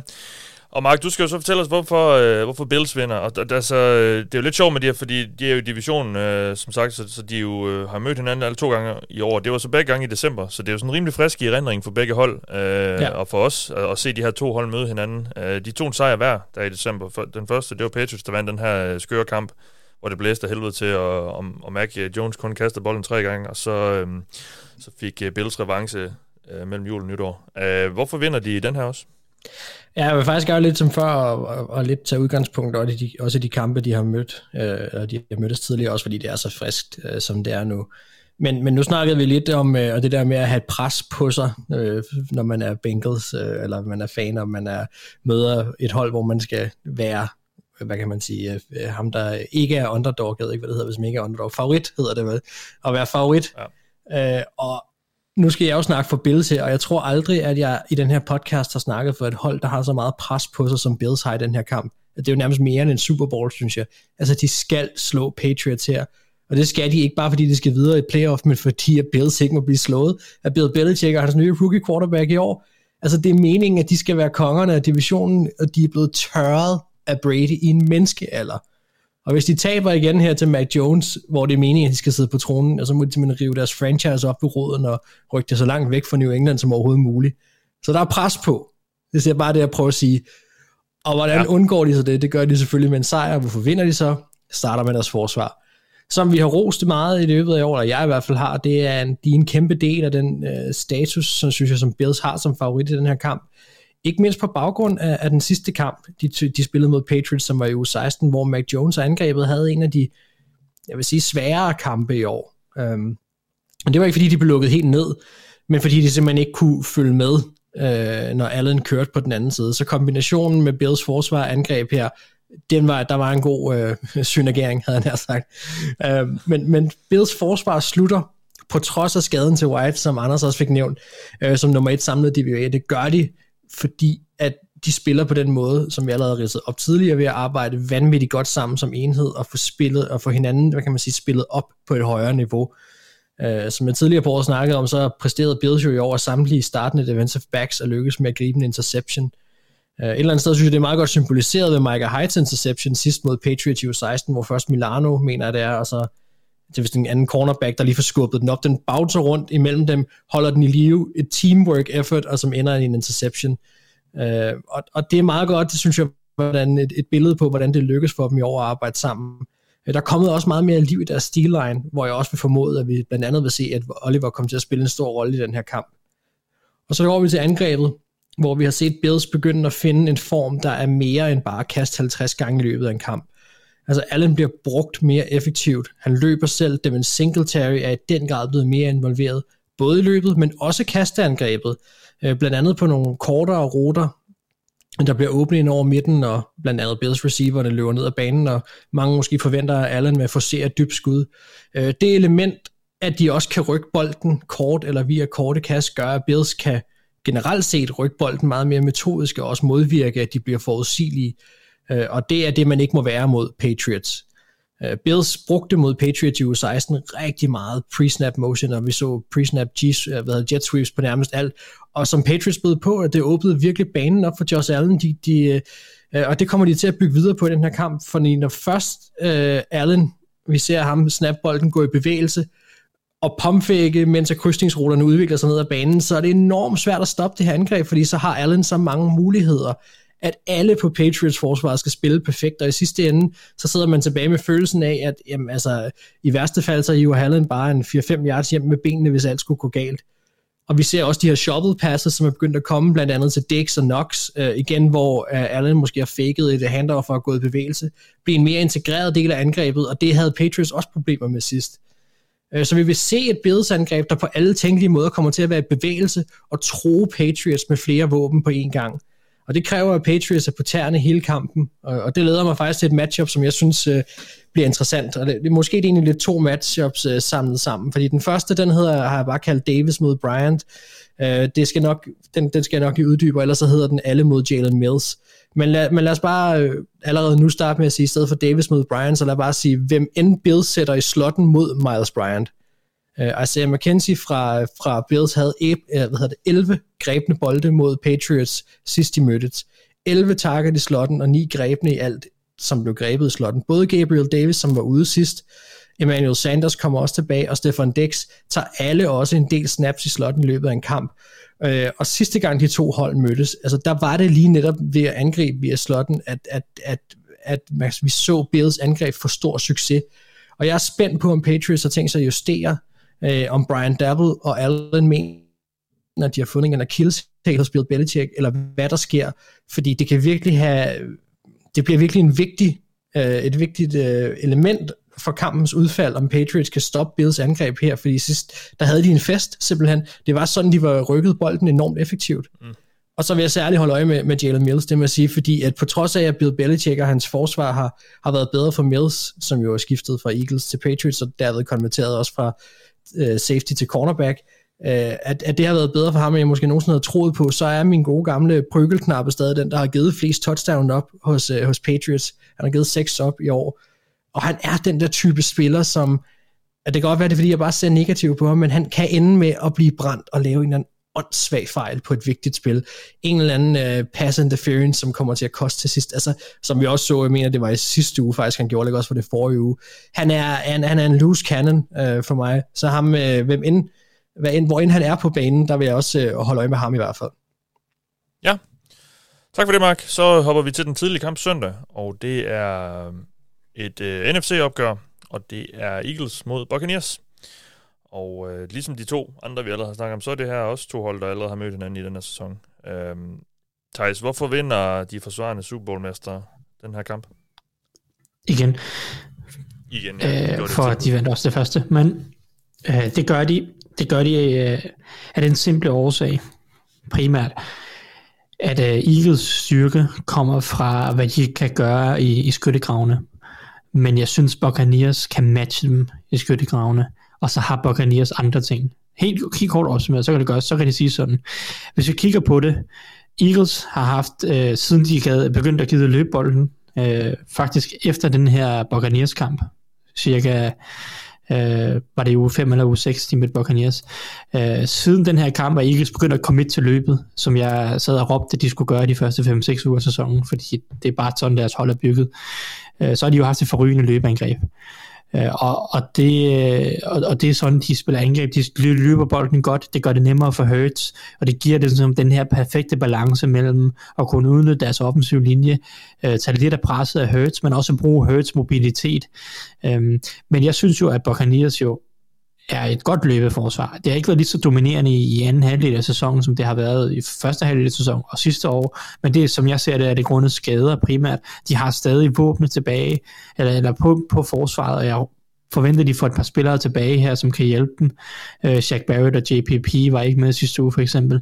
Øh, men, men bare det at, det at skulle løbe mod et forsvar, øh, Lavante David for øvrigt, øh, også forventet tilbage efter en, en kort tur på IR, men bare det at skulle løbe mod det her forsvar, øh, synes jeg er en skræmmende udfordring for, for, for Eagles, selvom at, at de, de er gode til at løbe bolden. Vitavia er bare et monster, Lavante David er sindssygt dygtig. Øh, David White har ikke haft nogen god sæson, men han har stadig noget fart og noget playmaking ability til at bare fise rundt og øh, håndtere øh, nogle af de forskellige ting, Eagles kommer med angrebsmæssigt. Så, så jeg synes, at det, jeg, jeg tror, det bliver svært for Eagles bare at dominere på løbet. Og, og hvis, hvis Buccaneers kan begrænse løbet for Eagles, altså så ender det jo med, at det er Jalen Hurts, der skal bære det. Og så ender det med at være en duel mellem Jalen Hurts og Tom Brady. Og det må bare være en fordel for Buccaneers, hvis det ender i sådan en duel. Um, så det er på, på, på Buccaneers' forsvar, at, at jeg tror, at de kan tvinge Hurts til at skulle ud og lave ting og sager. Og det, det synes jeg, det kan kun være en fordel for Buccaneers, hvis meget af presset ligger hos ham. På Buccaneers angreb, hvorfor får de succes mod Eagles? Øh, jeg tror, at den her rigtig, rigtig dygtige offensiv linje, en af de bedste offensive linjer i NFL, især i pass protection, øh, kan neutralisere pass rushes hos Eagles. Eagles forsvar, den måde de spiller forsvar på, er Øh, vi trækker os tilbage, vi blitzer overhovedet ikke. Øh, vi trækker os tilbage, spiller zoneforsvar, øh, og så holder vi tingene foran os, øh, og, og, og så øh, skaber vi pres med fire dygtige defensive linjemænd, der hvor at, at de tre farligste er Josh Sweat, øh, Fletcher Cox og, og Javon Hargrave. Øh, og, og så, så er det sådan, de spiller forsvar. Jeg tror, Eagles har tilladt den højeste completion procent i, øh, percentage i ligaen, men også den, den laveste øh, sådan, hvad hedder det, air yards per attempt i, i ligaen. Så det er en masse korte kast, de tillader, og så siger de, det er fint. I må gerne få nogle korte completions, øh, og så, så, øh, så, så håber vi på, at, øh, at de bare ikke scorer for mange point, øh, eller kan score touchdowns osv. Øh, jeg er ikke sikker på, at den opskrift er den rigtige mod en Tom Brady. Vi- har altid sagt det mod Tom Brady, du skal skabe pres på ham, og så skal du gerne spille noget man coverage, øh, som, kan, som gør, at receiverne, altså så, hvor du på cornerback kan sætte dig på receiverne, og så de kan skabe separation. Ja. Fordi Tom Brady er bare så klog og så dygtig til at læse forsvar. Han river de her zoneforsvar fra hinanden. Og det er jeg bange for også kommer til at ske for Eagles. Fordi hvis de ikke blitzer, så sender de fire mand efter dem. Og Buccaneers har en mega god offensiv linje. Så tror jeg ikke, de kan skabe det nødvendige pres. Og hvis Tom Brady først får det tid i lommen, altså jeg tror, de kommer til, han kommer til at rive det her zoneforsvar fra hinanden. Så medmindre Eagles kommer ud og smider en eller anden curveball og gør noget dramatisk anderledes, end de har gjort hele sæsonen, hvilket også vil være forkert formentlig, hvis de gør noget dramatisk anderledes, øh, så, så synes jeg, at, at de har et problem med at skulle håndtere Tom Bradys øh, spilintelligens. Øhm, og i den sammenhæng tror jeg, at at øh, Rob Gronkowski bliver det altafgørende matchup her, fordi han er så dygtig og også er så erfaren og har den her synergi med Tom Brady. Hans evne til at finde øh, de her spots imellem zonerne er jo er fantastisk, og, og det tror jeg virkelig er, er noget, som, som, som Brady kan udnytte. Øh, Eagles har tilladt 6. flest yards af alle til Titans i år, og, og det er meget typisk, fordi det er Titans, der ligger og arbejder i midten af banen i de her zoner. Øh, så, så det, det, det tror jeg bliver et meget, meget vigtigt matchup på Eagles. Ja. Så, så altså helt, helt konkret kan det koges ned til, jeg tror, at Buccaneers kan matche i skyttegravene, og når, det så, når der så skal ske ting væk fra skyttegravene, så er Brady bare et niveau eller to over Jalen Hurts, og, og, og Buccaneers har nogle kastevåben og en approach, som jeg tror passer bedre til, øh, til, øh, til, til Eagles forsvar end omvendt. Tak for det. Anders, du har så fået øh, den måske lidt svære opgave at, at skulle snakke for, for Eagles, og hvorfor de vinder den her kamp, og i så fald lave noget af et opsæt. Ja, og, og jeg vil jo sige, at øh, de ting, som Thijs nævner, er jo fuldstændig korrekte. Det er jo det, der gør det problematisk, fordi det er der, Eagles skal gå ind og vinde i, i matchups, hvor Box umiddelbart har en fordel. Jeg vil så sige, at øh, fordi i min, i min optik, Eagles, de, de vinder ikke den her kamp gennem øh, Jalen Hurts' arm. Der, der, løbespillet skal simpelthen fungere. Øh, og der har, har Thijs jo, som nævnt, han har gået igennem, hvorfor, hvorfor Bucks er gode til det. Øh, Eagles er også skide gode til det. Eagles har en øh, undervurderet offensiv linje. Jordan Mailata har, har gjort det glimrende. Øh, Lane Johnson er, er en fremragende højre tackle. Jason Kelsey er en øh, excellent center. Og, og så Landon Dickerson og Nate Herbig har gjort det fint i år, synes jeg. Og Dickerson har, har, har god potentiale. Jeg tror godt, det er en linje, der egentlig godt kan vinde mod, øh, mod Sue og Vea. Goldstone og Pierre Paula og hele banditten der. Det tror jeg faktisk godt, de kan, eller, og det er de nødt til, og det kommer de til i en sejr. Så er det fordi, at den offensive linje har vundet sit matchup. Øhm, og det, det, det, det tænker jeg egentlig også er den primære. Det er jo ikke fordi, at Box, nu, nu har vi snakket om, og sådan narrativet omkring Box har været hele året, at det er umuligt at løbe på dem. Det passer ikke. De er faktisk ret dårlige til at stoppe løbet øh, i år. Øh, ikke i år, i de sidste tre kampe. Øh, vil du sige, at Bengals er gode til at stoppe løbet? Ja. Sådan nogenlunde over Ja. de sidste tre kampe? Nej, det, ej, måske ikke lige, men, men generelt over, så hele, over hele sæsonen. Ah, ja, okay. Altså, der er de lige så gode som Tampa. Ja. I snit. Det er 4,3 yards. Over de sidste tre kampe, der er det 4,9 yards hos Tampa. Så de er altså i bunden af ligaen. Øhm, kun overgået af Bengals, Detroit, David. Chicago, Pittsburgh, Cleveland, øh, Kansas City, Green Bay og Jacksonville. Så det er jo ikke, altså, der, det er muligt, de kan godt tales med. Det er ikke fordi, og selvom Lavonte David er god, som Thijs han viskede, så øh, er det jo ikke en end all be all. Det umuligt gør ikke det her. Og man bliver sgu nødt til at spille på sine styrker, og løbespillet er Eagles styrker. Hvis det kan fungere, så tror jeg også, at Jalen Hurts han får flere muligheder for at lege lidt i kastespillet, hvor øh, Box også har vist sig at være til at tale med. Og, øh, og det er egentlig også der, hvor jeg har mit andet matchup lagt ind på angrebet. Det, det er Vontae Smith mod, jeg går ud fra, at det bliver Carlton Davis, måske bliver det Sean Murphy Bunting, måske bliver det en blanding. Det bliver et f- pissefedt matchup. Hold kæft, for synes jeg, han er sjov. Han er, ja, han er egentlig det, jeg havde forventet, han ville være. Måske lidt mindre, øh, ellers så er det bare Jamar Chase, der var mere end det, jeg forventede, han ville være. Fordi jeg troede egentlig, at Devontae Smith ville være en af de... Jeg tror, jeg nævnte ham som en breakout, da vi snakkede wide receivers, hvor jeg ikke rigtig nævnte Jamar Chase, men der var jeg måske lidt påvirket af alle de der historier omkring hans hænder i, i preseason. Mm. Jeg købte den sgu. Det er jeg ked af, at jeg siger, at jeg tog fejl. Det var godt, du gjorde det. Øhm, ja, øh, han er for vild. Og så det er, det er egentlig Eagles' øh, øh, vej til sejr på angrebet. Det tror jeg, det er løbespillet. Ja. Øhm, og jeg ser dem som, som øh, massive øh, underdogs. Ja. Øhm, et, et, et matchup, som jeg egentlig er rigtig interesseret på. Det, det ved jeg godt, nu går jeg lidt ud fra, fra rundown-scriptet. Øh, går væk fra det. Fordi jeg tager lidt på forsvaret nu, mm. for at være lidt fræk. Ja. Javon Hargrave, som Thijs nævner, og en tidligere Steeler, som vi også havde rigtig store forhåbninger til sidste år. Han har fandme været god. Hold nu op. Og ham over for det røde øh, vredesmonster, der er Ryan Jensen. Det kan bare kun blive pisse sjovt. Det slår gnister. Helt vildt. Altså bare, bare, bare på den indvendige linje der med, med uh, Fletcher Cox og, og Javon Hargrave mod uh, Ryan Jensen og um, Marpet. Ali Marpet og, og Alex Kappa, eller hvem Mm. der nu er. Det, det bliver bare så, det bliver så sjovt, Mathias. Det er den ja. næstbedste sådan, øh, opmuntrende ting, jeg har kigget på i dag. Ja. Den bedste, den kommer Thijs til at nævne lidt senere. Det, det matchup har jeg også skrevet ned, øh, så det er jeg helt enig i, det bliver meget afgørende. Ja, og Om Hargrave de kan har, vinde indvendigt der. ja, Hargrave har været rigtig god igen i år.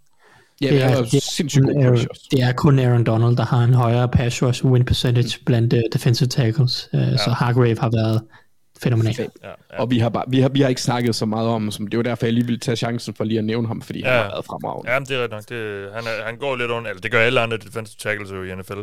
Så Ja. længe Aaron Donald, han går så meget mok, som han gør hvert år. øhm, men, øh, men Hargrave ville, jo, ville vi jo snakke meget mere om, ja, hvis ikke der var, øh, hvis ikke der var nogen, der var der. Jamen lad os gå videre til den næste kamp, og øh, det er et klassisk NFC-opgør. To hæderkronede hold, øh, som, har, som har dystet i mange år i de helt store kampe. Ikke i Super Bowl, godt nok, men altså i kampen om at komme i Super Bowl. 49ers mod Cowboys er det. Og, øh, og Mark, du skal, du, skal tale for, øh, du skal tale for Dallas, hvorfor de vinder den her kamp. Ja, jamen altså, rollerne er jo byttet om. Shanahan mod sin, øh, han er jo head coach nu, og nu er det Dan Quinn, der er koordinator. Så, så det er jo en gammel head coach mod en gammel koordinator. Det bliver sjovt. Ja. Øh, altså, jeg synes, Cowboys er jo et, et sjovt hold at snakke om, fordi hvis man samler op på deres grundspilsæson, så er det jo virkelig, og overraskende nok, deres forsvar, der har taget overskrifterne. Og det er jo meget ulige, hvad vi forventede. Jeg kunne godt lide Quinn-høringen i offseason, men at de skulle slutte som nummer to i DVOA på forsvaret, og samlet set nummer et, det synes jeg er helt vildt. At det her det er et hold, der kan spille på begge sider af bolden, og derfor vinder de. Øh, de har den bedste quarterback i kampen, de har den bedste offensive linje, det bedste angreb, og ja, overall det bedste forsvar. De er på papiret bare det bedste hold i den her kamp. Og specielt deres angreb bliver giftige mod den her 49ers secondary, som måske har, ja, de har spillet lidt over det forventede niveau, jeg havde til dem. De ligger nemlig lige i midten, øh, nummer 16 i DBA. Jeg havde nok forventet, at de ville rode rundt i, i start 20'erne. Øh, og måske har det været nok til at komme til slutspillet, øh, lige med nød og næppe. Men nu er det vind eller forsvind mod et superpotent angreb, som på papiret må sige sig være et overmatch på alle lederkanter, og her får de problemer. Altså der kan komme til at angribe de her cornerbacks langs sidelinjen, og, og det får de meget succes med. Øh, og så skal Jimmy G virkelig snøre skoene på den anden side for at følge med. Og her vil jeg normalt sige, at jamen, det er jo så her, at modstanderen får en chance, fordi Cowboys forsvar er for uligevægtigt til, at, at Dak kan lukke kampen helt selv. Øh, men i år der er der jo andre boller på suppen. Quinns forsvar, anført af den unge sensation Micah Parsons, er super farlig. De kreerer sacks, de kreerer turnovers, de kreerer spil, som om, at de var blevet betalt for det. Øh, det er de jo så også, så, så det er jo alt sammen meget godt. Øh, men der, hvor de kan få problemer, det er jo selvfølgelig med deres løbeforsvar, og det er jo klart, det er et problem, når det er 49ers, øh, man spiller mod. Det er deres chance i den her kamp. Og jeg tror også, at de får problemer der. Men grunden til, at jeg tror, at de kan vinde alligevel, det er fordi, at de for første gang i mange år har flere spilskaber på flere rækker af forsvaret. Og med mindre 49ers har tænkt sig at køre en Patriots mod Bills i U13, som vi snakker om tidligere, og kun kaste tre gange, så skal Jimmy G ud og kaste på et tidspunkt. Og selvom han spillede godt i sidste uge, så er det virkelig her, jeg vil være nervøs som 49ers-fan. Altså, Micah Parson har været en super tornado, siden han kom ind på banen øh, for første gang i år. Og han fik chancen som edge, og, og præsterede, som han gjorde. Altså, det tror jeg virkelig har været med til at give ham tillid hos Dan Quinn, der tør tegne nogle spil op og sætte ham i positioner, der gør, at han kommer ind og får lov til at lave de vigtige spil, øh, når de skal laves. Og så har Trevor Dix, ham bliver vi jo nødt til at nævne, haft en næse for at være på pletten, når han skulle. I en samlet vurdering af ham som cornerback, så, så har jeg efter en klar en fornemmelse af, at hans mange øh, opgivende yards bliver kamufleret lidt i en snak om interceptions, men hvis man skulle være i tvivl, så er han det bedste af begge verdener. Uh, han opgiver yards, og han laver interceptions. Det er uh, extreme uh, på hver side. Ja. Men på baggrund af hans spil i år, så er det svært at forestille sig, at han eller Parsons ikke kommer til at påvirke det her 49ers angreb og skabe muligheder for, at Cowboys angreb kan pakke kampen væk. Og lykkes det, så vinder Cowboys den her kamp. Fordi ja. Cowboys angreb bør kunne ramme den her secondary hårdt. Uh, nu er grundspillet slut. Tiden til at fjolle rundt og skulle finde sig selv. Den her, den, det er væk. Pedalen kommer til at være i bund, og det her Cowboys angreb, de stopper ikke før slutfløjtet er fløjtet, og de kommer til at gå efter stroben. Og det bliver for overvældende for uh, 49ers forsvar, men også angreb, der bliver taget ud af deres comfort zone og begynder at smuldre. Og så har vi jo lidt matchup. Ja. Og jeg skal jo kigge på uh, Cowboys angreb mod uh, 49ers' forsvar. Altså, jeg har jo allerede snakket lidt om Cowboys wide receivers og mod 49ers secondary, men der hvor jeg egentlig synes, der er et interessant matchup, når jeg har de her briller på, det er på Cowboys højre side af deres O-line, som skal spille mod uh, Bosa og Armstead. Det er Lale Collins og Zach Martin, som står over for den del af 49ers forsvar, som jeg vil være mest bange for som Cowboys-fan. Uh, og de er klædt godt på til at tage sig af det. Altså omvendt, så, så er det selvfølgelig også en spiller som Bosa, øh, som, som bare er en af de der talenter, der kan, der kan gøre det godt mod de allerbedste og ødelægge kampe. Og han ved godt, at han er en super vigtig brik for 49ers øh, succes i den her kamp. Fordi hvis ikke han eller Armstead får succes med at tro Dak, og, og, og han ender med at få tid i lommen, så kan 49ers godt vinke farvel til deres chancer. Og det, det mener jeg virkelig. Men samtidig så er det en matchup, der, der også er enormt spændende, fordi jeg kan også godt se det gå den anden vej, og, og Bosa hiver en eller anden vanvittig præstation op af hatten, og pludselig kommer Cowboys ind i den der rille, som de har været i tidligere i år, og pludselig så er det 49ers angreb, der får en mulighed for at styre kampen på jorden, og så vil vi se frustrationer på sidelinjen, og bum, så har vi det her frustrerende uh, Cowboys nederlag i første runde, som Anders og jeg har snakket om tidligere på året. Uh, og, og en af de måder, at det kunne starte på, det er, hvis 49ers pass rush for tidligt fat i Dak. Så jeg synes, der sker, der, der, der kommer til at være en, en magtkamp uh, på den højre side af linjen der, som, som bliver enormt afgørende for hele kampen, og, og ja. bliver mega fed også. Ja. Nå, Thijs, så er det dig, der skal fortælle os, hvorfor 49ers vinder. Yes, yes. Det er der mange gode grunde til. Uh, Mark har været inde på lidt af det. Uh, hvis vi starter bare offensivt for 49ers, så er uh, løbeangrebet selvfølgelig det, hvor Shanahan han, han shiner allermest som playcaller. Uh, det er få, der kan designe uh, et løbeangreb, der komplementerer sig selv så, så forrygende, som, uh, som Shanahan kan. Og det er jo klart, at løbeangrebet er en stor del af 49ers angreb, og det synes jeg, der er gode muligheder for mod Cowboys. Mark har nævnt det. Cowboys er gennemsnitlige mod løbet, og vi har set dem i år øh, tabe nogle kampe, fordi modstanderen har kunnet øh, etablere løbet og, og løbe deres forsvar en lille smule over. Så, så det er bare øh, det, er en, det er en faktor, der kommer til at tale øh, i Fortnite's fordel. De kan folde deres løbeangreb ud, og, og øh, Shanahan kan ryste alle sine næser ud af ærmet, og, og, og så bør der være rimelig gode forudsætninger for, at det kan, kan lykkes. Derudover, så vil jeg sige, Mark han siger så, så er det op til Garoppolo og, og angrebet, at, eller på Niners angreb, at kunne kaste bolden. Og det tror jeg faktisk godt, de kan. Jeg synes, jeg ser nogle ting her, som, som får, får de Niners' kasteangreb matcher op mod øh, Cowboys forsvar ganske glimrende. Det skal siges, at, at 49ers' kasteangreb generelt set i år har været øh, top 10 effektivitet øh, på nærmest alle, må, alle mål, målbare parametre. Så det er på ingen måde et dårligt kastangreb, selvom at øh, Garoppolo ikke er en quarterback, man tør at lade, bolden, eller lade kaste bolden 45 gange i løbet af en kamp. Men øh, det jeg er bekymret for for Cowboys, det er øh, deres største defensive styrke, det er pass rusher, som Mark også nævner, Parsons, Marcus Lawrence osv. Øh, men, men, men 49ers har en rigtig god offensiv linje. Øh, det er en god pass offensiv linje. Trent Williams er et monster på venstre tackle selvfølgelig. Den indvendige del af den offensive linje har generelt godt styr på det. Øh, så jeg ved ikke, om Cowboys på samme måde kan, kan dominere på den defensive linje, som de har gjort i mange andre kampe. Derudover er Cowboys' forsvar også et meget aggressivt forsvar. De blitzer meget, de er top 10 i, øh, i blitz percentage i år. Uh, og Dan Quinn er, har kørt et virkelig overraskende aggressivt forsvar i år. Det ved jeg ikke, om er en god taktik øh, mod Shanahan, alle hans mange screens, øh, Garoppolo, der generelt altid har været dygtig til at få bolden ud rimelig hurtigt. Øh, han har den næsthøjeste yards per attempt af alle quarterbacks i år øh, mod, øh, mod blitzes. Øh, så, så, så det her aggressive øh, Dan Quinn-forsvar, og mange af de ting, han gør for at skabe pres, alle de her pressure packages og, og sådan looks, han giver op foran, jeg ved ikke, om de for det første kan have samme succes mod 49ers, eller om de overhovedet kan, kan tage den approach på samme måde, som de har gjort hele året.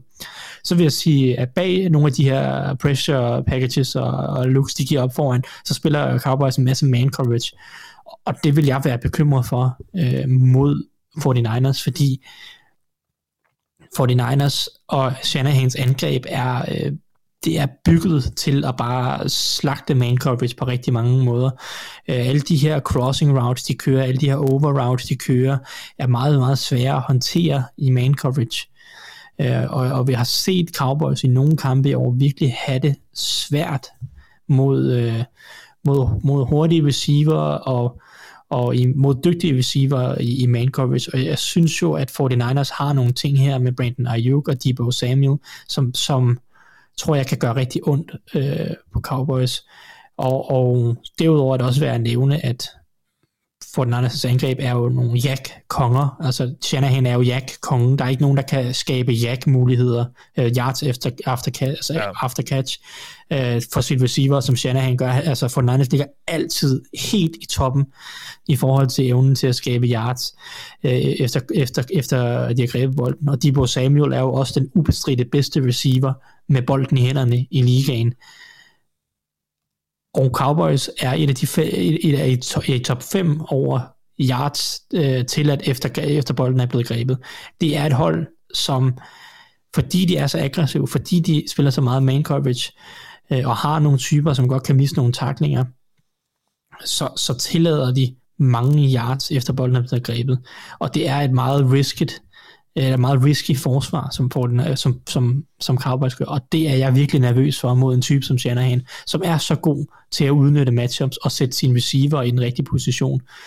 Øh, og og det, det, det synes jeg, der ser nogle muligheder for, at Fortnite kasteangreb også kan folde sig ud mod Cowboys.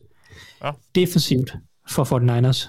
Øh, så, øh, så synes jeg, at det er interessant, at 49ers, jeg synes jo, Mark han siger, det er fint nok, at, øh, at 49ers jo ikke har været så gode mod, mod kastet i løbet af sæsonen. De har også ufattelig mange skader i den her secondary, men de bliver mere og mere healthy. Jimmy Ward er tilbage, øh, Jacques Guitar der kommer tilbage efter også at have været uden periode. Øh, Emmanuel Mosley er tilbage, som er en kæmpe opgradering i forhold til, hvad de har spillet i tidligere sæson. Nogle af de unge cornerbacks spiller bedre med mere erfaring, øh, som sæsonen er skrevet frem. Så jeg, jeg vil ikke frygte, at kasteforsvaret er så dårligt, som det har været i perioder af sæsonen. Også fordi, at de ikke mindst oppe foran er begyndt at dominere i helt ekstrem grad. De smadrede Ramses ellers dygtige offensiv linje her i weekenden. Og, og den, de har virkelig fået skabt en solid pass rush package ved, at på mange snaps, øh, modsat tidligere sæson, øh, legnede Nick Bosa mest op på højre side af den defensive linje. Han er blevet flyttet over på venstre side, ved siden af Eric Armstead. Så bruger de Samson Ebukam mere, øh, og så har de så fået Arden Key ind også til at lege, som har været rigtig dygtig til pass rusher og indvendigt. Så de fire, Ebukam, Key, Armstead og Nick Bosa, har skabt en pass rush pakke, eller en, en, en kvartet, som virkelig, virkelig har gjort ondt på mange hold den sidste måned. Øh, så det tror jeg virkelig kan skabe nogle problemer for Cowboys, der ellers har en dygtig offensiv linje, og, og give dem tid, eller ikke give dem rigtig tid til at kaste bolden, også fordi, jeg tror ikke Cowboys kan få lov til at etablere løbet, som, som de jo, jeg synes egentlig deres angreb har fungeret bedst i de kampe, hvor de også har kunnet løbe bolden. Det virker som om, at når, når, de, når de skal være meget afhængige af kastangrebet, så synes jeg måske, at Kellen Moore mangler øh, øh, altså, han mangler lidt tider i playbooken, eller han mangler ligesom at finde øh, rytmen, når, når, kasteang, når, når indgrebet skal være rigtig, rigtig kastetungt i nogle af de kampe. Ja. Øh, fordi Fortnite har haft det ligaens bedste løbeforsvar det sidste halvdel af sæsonen, fordi de dominerer så meget op foran. Så når du så kombinerer det med, med altså, jeg tror, at Cowboys kan få det svært, fordi de kan, de kan ikke løbe bolden, og selvom de har en god offensiv linje, den her pakke øh, af pass rusher, som 49ers har lige nu, den piker på den mest nasty måde. Øh, så, så det, jeg, kan, jeg kan godt se nogle rigtig store udfordringer for Cowboys på, det front, på den front. Ja. Øh, matchup-mæssigt vil jeg nævne øh, J. Curse mod George Kittle. Øh, altså Cowboys forsvar mod 49ers angreb. Øh, J. Curse er øh, Cowboys øh, safety, tight end matchup type, har faktisk spillet en rigtig, rigtig god sæson. Øh, har været backup primært tidligere i karrieren, men har fundet lige det perfekte fit her inde i Dan Quinns forsvar, har været en af de, kæmpe, de kæmpe store overraskelser på det her forsvar mod George Kittle. Det er fint, at Curse har været god i år, men kan han også gøre det mod de bedste af det bedste? Øh, det glæder jeg mig rigtig meget til at se. Øhm, så, så det er egentlig det matchup, jeg har taget med øh, på Ja. den front, fordi Mark har snakket om, om Parsons og company. Fint. Jamen, så lad os gå til, øh, til den mest, øh, eller lad mig sige det på en anden måde, den, den mindst jævnbyrdige kamp. I hvert fald inden, inden der på papiret, øh, hvordan det ser ud øh, rent, matchup-mæssigt. Det er, det er Steelers Chiefs, som, øh, som møder hinanden. Og Anders, øh, du har jo så øh, af samme grund fået øh, ugens letteste opgave, nemlig at fortælle os, hvorfor Chiefs vinder. Ja, øh, ja, ja, i forhold til de tre andre, jeg har haft, så, så, så, er det, så, er det, så synes jeg, det er en, en god balance. Ja. Øhm, jeg synes egentlig, den er, den er relativt simpel. Øhm, Chiefs. Og det, øh, Chiefs kan score så mange point, at Steelers på angrebet bare ikke kan følge med. Steelers skal have en kongedag på forsvaret for at vinde.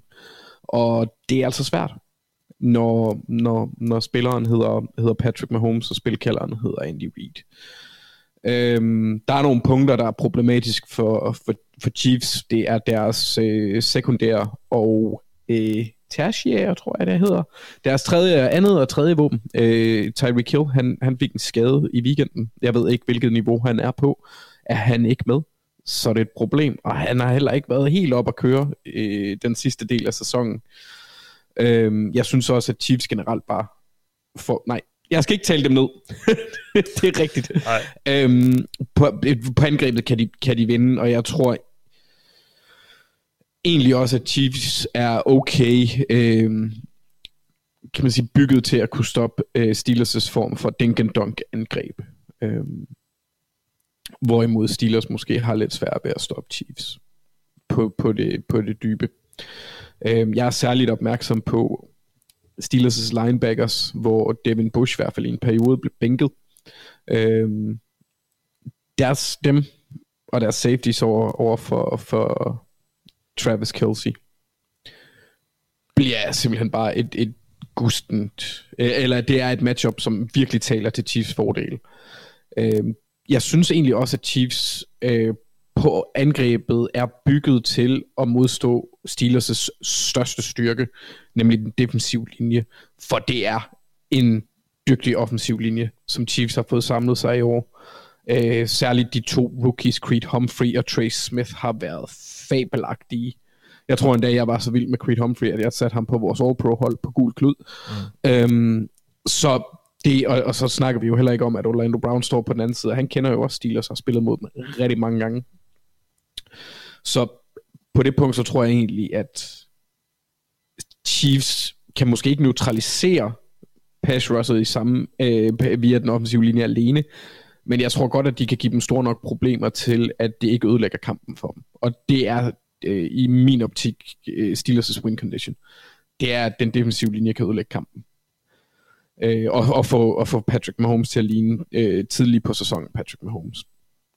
Det gør han heldigvis ikke lige nu. Lige nu begynder han mere og mere at ligne Patrick Mahomes, og jeg føler lidt, at Chiefs er en sovende kæmpe. Synet på dem i hvert fald. Øh, jeg tror ikke, vi, vi anser dem ikke så for, som så farlige, som vi har gjort de senere par år. Det kan godt være lidt en sovepude, for jeg tror, de er AFC's mest farlige hold. Øh, særligt hvis skader ikke øh, på angrebet der, Tyreek Hill for eksempel, ikke, fuldstændig derailer deres, øh, deres muligheder. Øh, så det er den offensive linje mod defensiv linje, og linebackers mod Kelsey, jeg, jeg har valgt at være mest opmærksom på. Og jeg ved godt, det er sådan lidt kedeligt, men det med, med den offensive defensive linje, men det er bare fordi Steelers' øh, er, det er deres Ja, absolut stærkeste men, ja. øh, øh, øh, gruppe. Og jeg synes egentlig også, at Chiefs har været rigtig dygtige der. Øh, og så Kyle Long, han er jo også blevet aktiveret igen, så det kan vel være, at vi får ham at se i løbet af playoffs, hvis de slår Steelers, når de slår Steelers. Øhm, så, så det er sådan, de vinder på angrebet. På forsvaret, tja, på et eller andet tidspunkt, øh, så jeg vil bare sige, hvis det Steelers, de, de, de kan godt stoppes. Ravens har vist det med et, øh, kan man sige, dårligt forsvar. Havde, havde Steelers svært ved at rykke bolden. De skulle bruge øh, to turnovers på at lave øh, point i starten. Uden de to turnovers, der havde Steelers tabt. Det er ikke et angreb, der, øh, der gør nogen bange. Chiefs er heller ikke et forsvar, der gør nogen, gang, øh, nogen bange som sådan længere. De havde lige en øh, oprejsning på et tidspunkt, men den synes jeg er faldet lidt igen. Øh, det kan være, at de er blevet lidt gamle og har fået lidt øh, virilitetsproblemer i slutningen af sæsonen her. Øhm, men de har spillere nok til at kunne gøre en forskel. Og Big Ben, han laver godt, nogle gange så kaster han an i luften. Det gjorde han også mod Ravens. Det gør han øjensynligt nok også mod Chiefs, og jeg tror på, at de har spillerne til at tage den. Øhm, og så tror jeg, synes jeg egentlig også, som vi også har snakket om i tidligere uger, at Chiefs' cornerbacks har gjort det lidt bedre. Legarius Sneed øhm, og øh, hvad er det hedder, Chadarius Ward eller Tarvarius Ward, jeg kan ikke huske, hvilken en af dem det er. Øhm, men den anden corner. Charvarius, det, er det ikke det, han hedder? Jo, jo. Noget af den stil. Ham med C af de, af de wards der, øh, kan egentlig godt matche op mod, øh, det er jo primært Deontay Johnson, der er deres trussel. Øh, Claypool, han er for inconsistent. Så det, det, det er øh, Deontay Johnson, og så er det Pat Fryermuth, og selvom Pat Fryermuth er dygtig, så er han en Heath Miller-type, og ikke en Jason Kelsey, eller Travis Kelsey-type, så jeg tror ikke på, at han kan overtage kampen og udlægge det for dem. Så det er primært Deontay Johnson, jeg er øh, utryg ved. Og så synes ja. jeg også, at, at, at Steelers offensiv linje er til at tale med i forhold til at stoppe løbet. Og der er Chris Jones bliver hammerne vigtig. Øh, det gør han generelt. Det er, han, de har bare været bedre, efter han har rykket hjem igen til sin vanlige position på indersiden. Mm. Og han bliver så det, den primære spiller i min optik på, på Chiefs forsvar. Ja. Så, ja. Tak. Jamen, uh, Mark, du har fået uh, æren af at snakke om Steelers, så, så Thijs, uh, så Thijs lige kunne få, få fri for at snakke om sit hold, selvom han måske, det ville du måske gerne, Thijs, nu hvor de endelig har kæmpet sig til slutspillet, selvom mod, mod alle odds nærmest. Uh, men det var altså dig, Mark, der, der skal fortælle os, hvorfor Steelers vinder. Ja, altså, jeg ved, jeg ved ikke, hvad jeg skal sige. Altså, jeg kan godt lide en udfordring, Mathias. Ja. Men jeg synes, den her er lidt overvældende. Det bliver da bestemt heller ikke nemmere af, at uh, Anders så tager det eneste, jeg kan snakke om, og så uh, taler om det også. Men, uh, men nu prøver vi alligevel. Pittsburgh, de kan sack modstanderens quarterback. De har Cam Hayward, de har TJ Watt, og derfor har de en chance for at vinde. Det er egentlig så kort. Altså angrebet, de skal selvfølgelig kunne score nogle point, men hvis Steelers vinder den her kamp, så er det fordi, at de dominerer så kraftigt med deres defensive linje, at Mahomes simpelthen ikke får en chance for at lave spil. Vi skal se en præstation af Bucks i Super Bowl sidste år, altså, og nærmest bedre, fordi Chiefs må virkelig ikke komme meget foran, før det bliver svært for Big Ben at trække angrebet op. Ja, det gør det nok i forvejen, men, men det vil blive endnu sværere i hvert fald. Mm.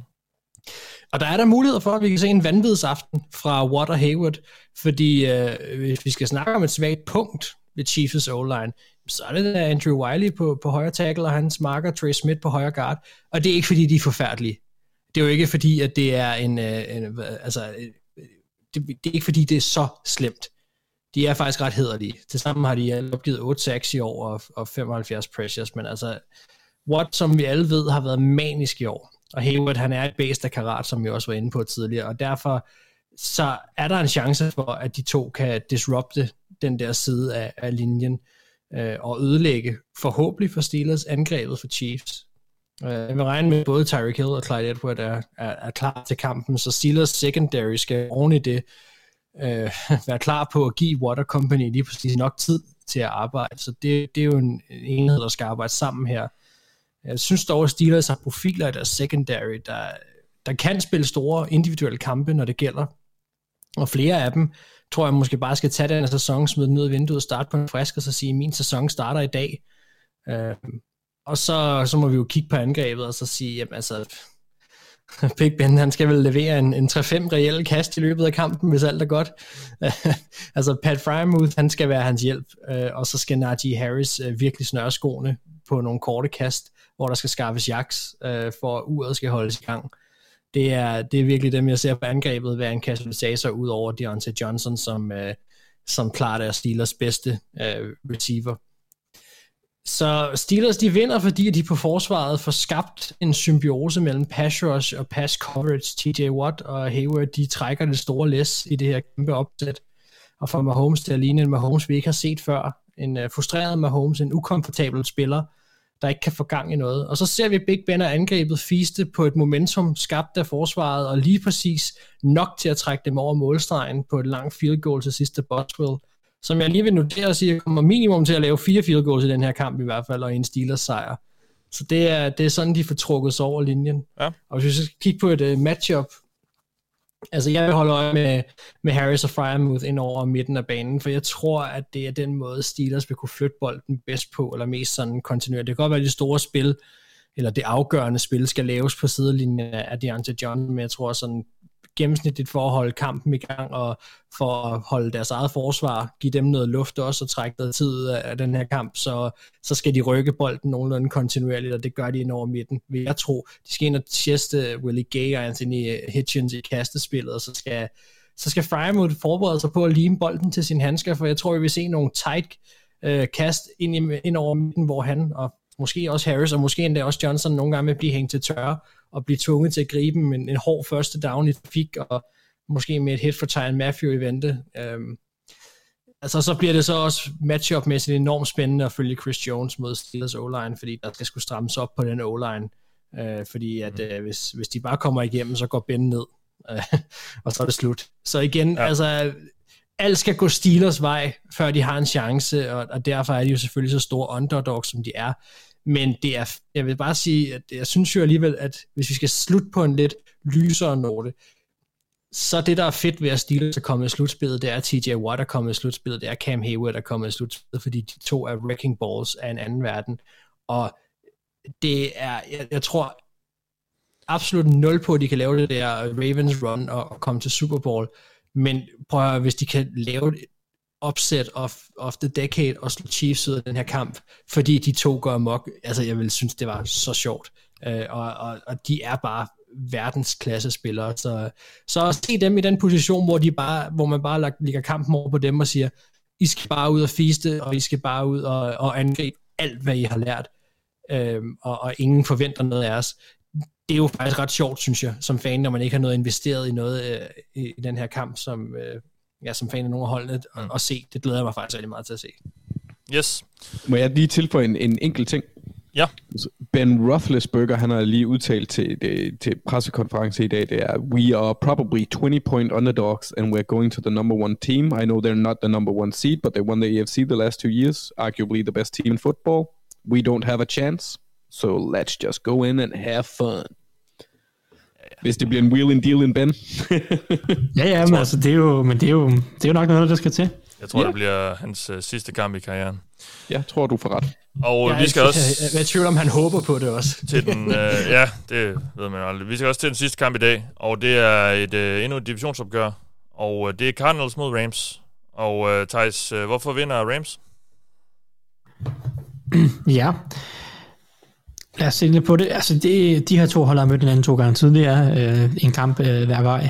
Seneste kamp øh, vandt Rams i høj grad, fordi at Aaron Donald og den defensive linje smadrede Gardners defens- offensive linje. Og det synes jeg også er vejen fra dem øh, på forsvaret den her uge. Øh, vi har set, at Cardinals offensive linje stadig har problemer. Uh, I weekenden her mod Seahawks tillod de 6-6 og over 20 pressures og, og havde jo igen problemer med at beskytte Kyler Murray. Og, og med en Aaron Donald, der havde 3 sacks i den sidste kamp, Von Miller, der har haft et sack, mindst et, i de sidste fire kampe i træk, så er der grund til bekymring på den her Cardinals offensiv linje, når de står over for Rams' defensiv linje. Uh, især uh, Max Garcia blev uh, et af Aaron Donald sidste gang, og han spiller stadig højre guard, så, så der er måske et lille matchup der. Uh, jeg synes, at Cardinals har et stort problem på wide receiver, uh, og, og det, det, det er den overordnede problem øh, for, for Cardinals angreb, det er, at de har ikke de her våben på ydersiden, som Kyler Murray kan stole på. De har ikke spillere, der på lideligt set kan skabe separation og løbe sig fri. Øh, og så er det godt være, at Ramses øh, forsvar har været lidt op og ned i perioder, men det er stadig et top 10 kasteforsvar over hele sæsonen. De har stadig super gode spillere i Jalen Ramsey. Jeg ved, der er et safety-problem, men det har de så hentet Eric Weddle. Af alle har de simpelthen hævet Eric Weddle tilbage ind, for at prøve at sætte skik på det her forsvar. Altså, ja. elsker Eric Weddle. Jeg var så glad der. Så det var den ting, jeg var mest glad for i dag, Mathias. Vi skal måske lige sige, at han, til dem, der ikke lige følger helt med, at han lige er blevet signet af Rams. Han er, lige, han er tilbage hos Rams. 37-årig Eric Weddle, der senest spillede i 2019-sæsonen, ja. øh, var jo en absolut legende i mange, mange år. Først hos Chargers, og så havde han et par gode sæsoner også hos Rams øh, siden. Ham, ham. Han var også lige hos Ravens et par år, ja. Ej, det vil vi snakke om. Har vi nogen status, det synes jeg egentlig er vigtigere på, hvor langt skægget er øh, i nuværende situation? Altså, hvor, øh, hvordan ser det ud? Har der været billeder fremme? Nej, jeg ved ikke, hvordan øh, skægget ser ud, men jeg er helt sikker på én ting i hvert fald. Det er, at der er helt klart is, hvis de vinder. det tror jeg også. Der. Det, det er 100% sikkert. Han spillede altså kun en sæson hos Rams, og kun så én nævner du dem, før du nævner Ravens. Din lede handkat. Ellers du kan da selv gøre det, Anders. Nej. Ja. Han bliver jo også nødt til, Mark. Ja, ja. Han lagde den bare op til dig. Han er da en god Jeg kan bare ikke, jeg, jeg binder mig ikke så meget i sådan de der sådan, tegneserie NFL-hold.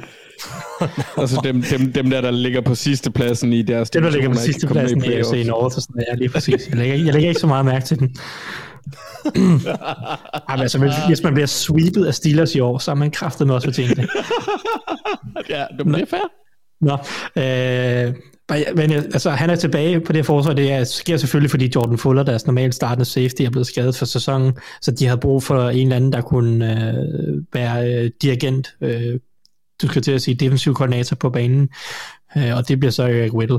Men, men uanset hvad, jeg synes Cardinals har et wide receiver problem. Jeg synes ikke, at, at Christian Kirk og AJ Green og øh, hvad hedder han, Wesley, Antoine Wesley og, og de her typer øh, skaber nok separation. Jeg synes ikke, det er god nok våben, og, og det er et problem, når, når du så har det her pass rush, som Rams har, fordi Kyler Murray skal bruge ekstra tid på at finde receiver, der er åbne, så kan det godt være, at han er øh, nok så mobil, men jeg synes bare, at de kampe, vi har set mod, mod Rams, at de, har ikke, har, altså, de kan ikke håndtere pass rushet øh, godt nok. Så, så jeg, jeg er bekymret for Cardinals angreb på de punkter. Øhm, på, på Ramses angreb, Cardinals forsvar, øh, så, så øh, bider jeg jo mærke i øh, den ting, at jeg synes, Cardinals er utrolig afhængige af blitzen til at, til at få succes. Det er det fjerde øh, mest splitsende hold i NFL i den her sæson, øh, og, og for mig at se, er det et resultat, eller sker det som følge af, at deres secondary ikke er solid. De har problemer på cornerback, mange skader, øh, og, og så bliver de nødt til at blitse for at få pres, øh, fordi de har heller ikke pass rusher nok til at vinde sådan bare med fire mand. Øh, og og det, det er jeg bekymret for mod Rams. Øh, Rams har en af de bedste pass rushing, eller pass, pass protecting offensive linjer. Øh, så ved jeg godt, at jeg lige har siddet og sagt, at 49ers smadret men jeg synes også, at 49ers defensive linje er øh, en, en 2, 3, 4 niveauer over, hvad Cardinals kommer med pass rush-mæssigt. Øh, så, så kan de få pres mod den her Rams offensive linje? Det er jeg ikke så sikker på. Okay, så bliver de måske nødt til at blitse. Matthew Stafford har været dygtig mod blitzen i år. Øh, det fjerde bedste øh, yards per attempt i, i sæsonen øh, mod blitzen, fordi at, at, at han er rimelig præcis og rimelig dygtig til at, at rolig i lommen, og McVay, som oftest har gode øh, svar på, hvordan at man skal komme af med bolden hurtigt, hvis, hvis, øh, hvis man møder et hold, der blitzer meget. Så, så det er et problem for Cardinals. De er lidt i dilemma der, hvor meget blitzer de, hvordan får de skabt pres på.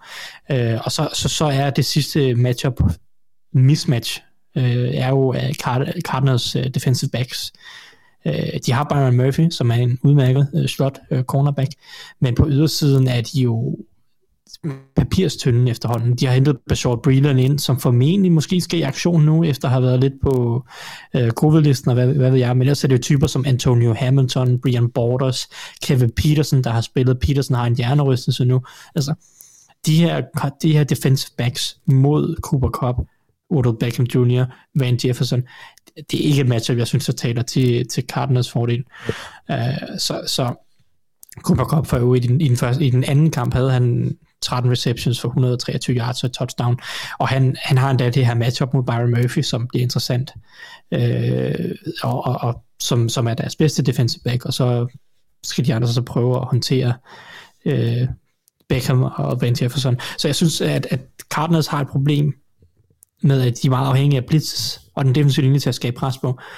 Det er jeg ikke sikker på, at de kan mod Rams, og når det ikke sker, de ikke får det her pres, så har de ikke en god secondary øh, på cornerback-position. Så, så, så det er lidt der, jeg synes, problemerne er for Cardinals. Det er ja.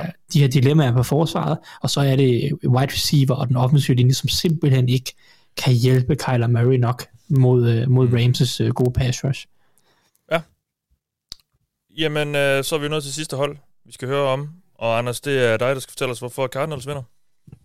Ja, øhm, pas. Ej, øhm, Thijs han er jo ret i alt, hvad han siger. Øh, umiddelbart, hvis jeg var gået ind til den her kamp med, med den viden, man har inden sæsonen, så vil jeg også tro, at, at Cardinals de skulle vinde via angrebet. Øh, problemet for Cardinals lige nu, det er, at det er Antoine Wesley og Christian Kirk, der er deres topmål. Og det er et problem. Fordi det er, det, det er i min optik, der de skal vinde den. Og så har du Zach Ertz. Jeg tror ikke, du, du, han er et vigtigt matchup over for linebackers og safeties, men du vinder ikke din kamp gennem Zach Ertz, med, eller med ham som dit hovedvåben. Ikke længere i hvert fald. Øh, så jeg sætter mig lige ind og gør præcis det, som jeg har lidt en formodning om, at Cliff Kingsbury altid gør, når han laver sin gameplan. Jeg giver bolden til Kyler. Mit matchup, det er Kyler mod alle, og det er også, øh, det er jeg lidt ked af at sige, Cardinals klareste vej til sejr, hvis man ikke skal ud i øh, øh special teams touchdowns og turnover snak. For det er også lige før, jeg vil tro, at de har brug for det. Øh, den første, nu nævnte øh, Thijs de to kampe, der har været spillet i år. Den første kamp vandt Cardinals, så jeg mener faktisk, det var første gang, de overhovedet slog McVay, eller Cliff slog McVay. Det er, en, det er endnu en af de der mærkelige ting, hvor der er en cirkulær, øh, hvad hedder det, fordel, når du bøjler dig igennem øh, NFC West. De har en fordel mod forskellige hold, og så taber altid til andre hold. Det, det er så spøjst. Øhm, så jeg har sgu svært ved at se dem have en, have en fordel på noget som helst punkt, ud over det, der hedder Kyler på angrebet. Øh, også fordi jeg, altså Rodney Hudson, er han tilbage? Det synes jeg ikke, at, at, at, at jeg kan se. Og deres center, om det har været Max, Max Garcia på et tidspunkt, eller en... en Han er en, tilbage. Okay, godt. Fordi det, det er pokkers vigtigt, for de kan ikke snappe bolden heller. øh, så det, det var heldigt. Øh, godt for det, fordi den depth chart, jeg, jeg havde set på, havde ikke opdateret den. Øh, på, på forsvaret, der er det pokker, som nu, det har jeg sagt mange gange før, og jeg har også skrevet det mange gange til folk. Thijs har ret. Altså, det, det, det er svært at finde en fordel. Men en ting, som man kan trykke lidt på, det er, at Matthew Stafford nogle gange taber hovedet. Og det har han gjort over de seneste par uger. Han gjorde det i stor grad mod Ravens, som var en kamp, som jeg nærså jo sjovt nok. Og det er ikke nødvendigvis på grund af pres, at han gør det. Nogle gange så... Ja, du kan lægge Vikings-kampen til også i hvert fald. Ja, men den så jeg så ikke lige så øh, tæt, kan man sige. nej. Det var det forkerte hold i Lillemark. Men, men, men ja, det, det er... Er, er vi stadig i tvivl om det, Anders? Nej, det er vi nemlig ikke. Det, fik vi, det, det er ni uger siden, at vi fik det konfirmeret. Lad os bare se, hvem der bliver det nye hold i Lilla. Ikke? Det, det, altså, det, det bliver ikke jer. Men, Oh. okay. så på forsvaret, der, altså, øh, og det kan godt være, at jeg måske er pessimistisk anlagt, men med den måde, de er gået ind i playoffs på, hvor det virker så usikkert, du kan se Kyler Murray, der er frustreret over netop det problem med, at receiverne ikke tager det. Vi så ham efter øh, Antoine Wesley, der øh, tog den forkerte beslutning på en rute. Øh, det Thijs nævner med, at de ikke kan skabe separation, det er siddet ind i Kyler Murray. Han stoler jo ikke på dem. Mm. Øh, og det gør han ikke, når man kan se ham få de der udfald. Altså, ikke at det er exceptionelt vildt, men det er bare ikke noget, der sker særlig tit for ham. Han er rimelig low-key øh, personlighedstype, eller even keel hedder det jo så. Virker til, at han, han er aldrig for høj, aldrig for lav øh, i humøret. så det er også et, et, et bevis på, at der er nogle frustrationer, synes jeg. Øh, men hvis han sætter sig sammen og, og har, er på dagen, er han bare uhyggelig. Så har Cardinals, så kan de godt vinde den her kamp. Og det er et divisionsopgør, så lurer mig ikke, om det ikke bliver tæt. Og hvis Kyler han står med muligheden med bolden i hænderne til sidst, så tror jeg, at Cardinals vinder. Yes. Vi skal bare lige derhen. Ja. det er vejen til sejr. Oh, pick Ja. me! Oh, I know! I know! Me! Me! Jamen, vi skal jo til det. Vi skal øh, komme med vores forudsigelse om, hvem der vinder. Men vi skal jo også lige hylde øh, den bedste i Dog Ligaen i sidste uge. Den sidste runde i grundspillet, og det var øh, Peter Holm Stensen. Og det er altså anden gang på, øh, på tre runder, at øh, Peter ender øverst. Han ramte 13 ud af 16 kampe. Peter, så øh, ganske, ganske god runde der. Og øh, vi kan jo lige tage en opsummering på, hvem der ligger i, nummer, i top 3 i Dogligaen, fordi det er jo sådan, at øh, dem, der slutter i top 3, de vinder en kop. Så øh, her på vej ind i slutspillet, der er det Nick Gosch, der, der fører Dogligaen, og så er Mr. Rose nummer 2, og så Nikolaj Bornholm er nummer 3. Og øh, det er altså sådan, det ser ud her på vej ind i øh, til de sidste kampe. Vi ramte, vi havde selv ikke sådan en super god runde, faktisk ret dårlig. Vi ramte kun halvdelen af kampe, 8 ud af 16, og øh, det betyder, at vi nu er på 62% for sæsonen. Det er bare ikke, det er bare, bare ikke lige vores år i år, tror jeg nok. Um, men øh, vi ligger faktisk meget godt til i Dog Ligaen, der er vi nummer 12. Så hvis Bedre vi, end Joe Judge. Ja, det er rigtigt. Det, det er. Kan vi, kan vi bare nøjes med at måle os efter ham? Det, så er det, det, det siger ikke perfekt. så meget. Der, så er vi nok bedre. Men vi ligger nummer 12 samlet i, i Dog Ligaen, så vi er jo sådan rimelig godt med, faktisk.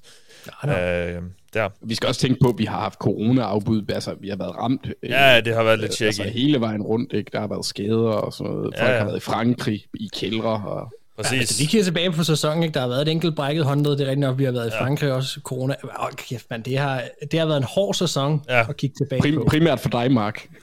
Ja, også for mig. Ja. det er rigtigt, ja. Ja, ja. Jamen, Puha. øh, det bliver forhåbentlig bedre. Nå, lad os, øh, lad os komme med vores bud her. Bengals mod Raiders. Thijs, hvem vinder? Det, det gør Bengals, Okay. Mark? tror jeg. Spørger du mig? Ja. Nå, men så kan du lukke den. Jeg siger også Bengals. Ja, okay. Anders? Det vil jeg også gøre, men jeg har en, jeg har en næne dårlig fornemmelse. Det Ja. ja. irriterer mig lidt. Det har jeg også lidt. Altså, Nå. jeg tror også, den bliver tæt. Ja. Ja, nå, men, øh, ja. ja, jeg er sådan set enig. Men, men det er jo også sjovt. Det er jo faktisk øh, Kevin McAllister mod en del af The Wet Bandits, der mødes. Ja, ja det ser, øh, der er nogle gode memes, der florerer. Så, så hvis, hvis den følger det narrativ, øh, så dør David Carr, uh, Derek Carr. Ja, det er rigtigt. Det er rigtigt. Nå, Bills mod Patriots. Mark? Ja, det gør Bills. Ja. Ja. Det skal de skulle gøre. Anders? Jeg siger også Bills med S. Okay. Thijs? Jeg havde også taget Bills. Vi går med Bills. Buccaneers mod Eagles. Anders, du kan få lov at starte. Box. Thijs? Mm-hmm.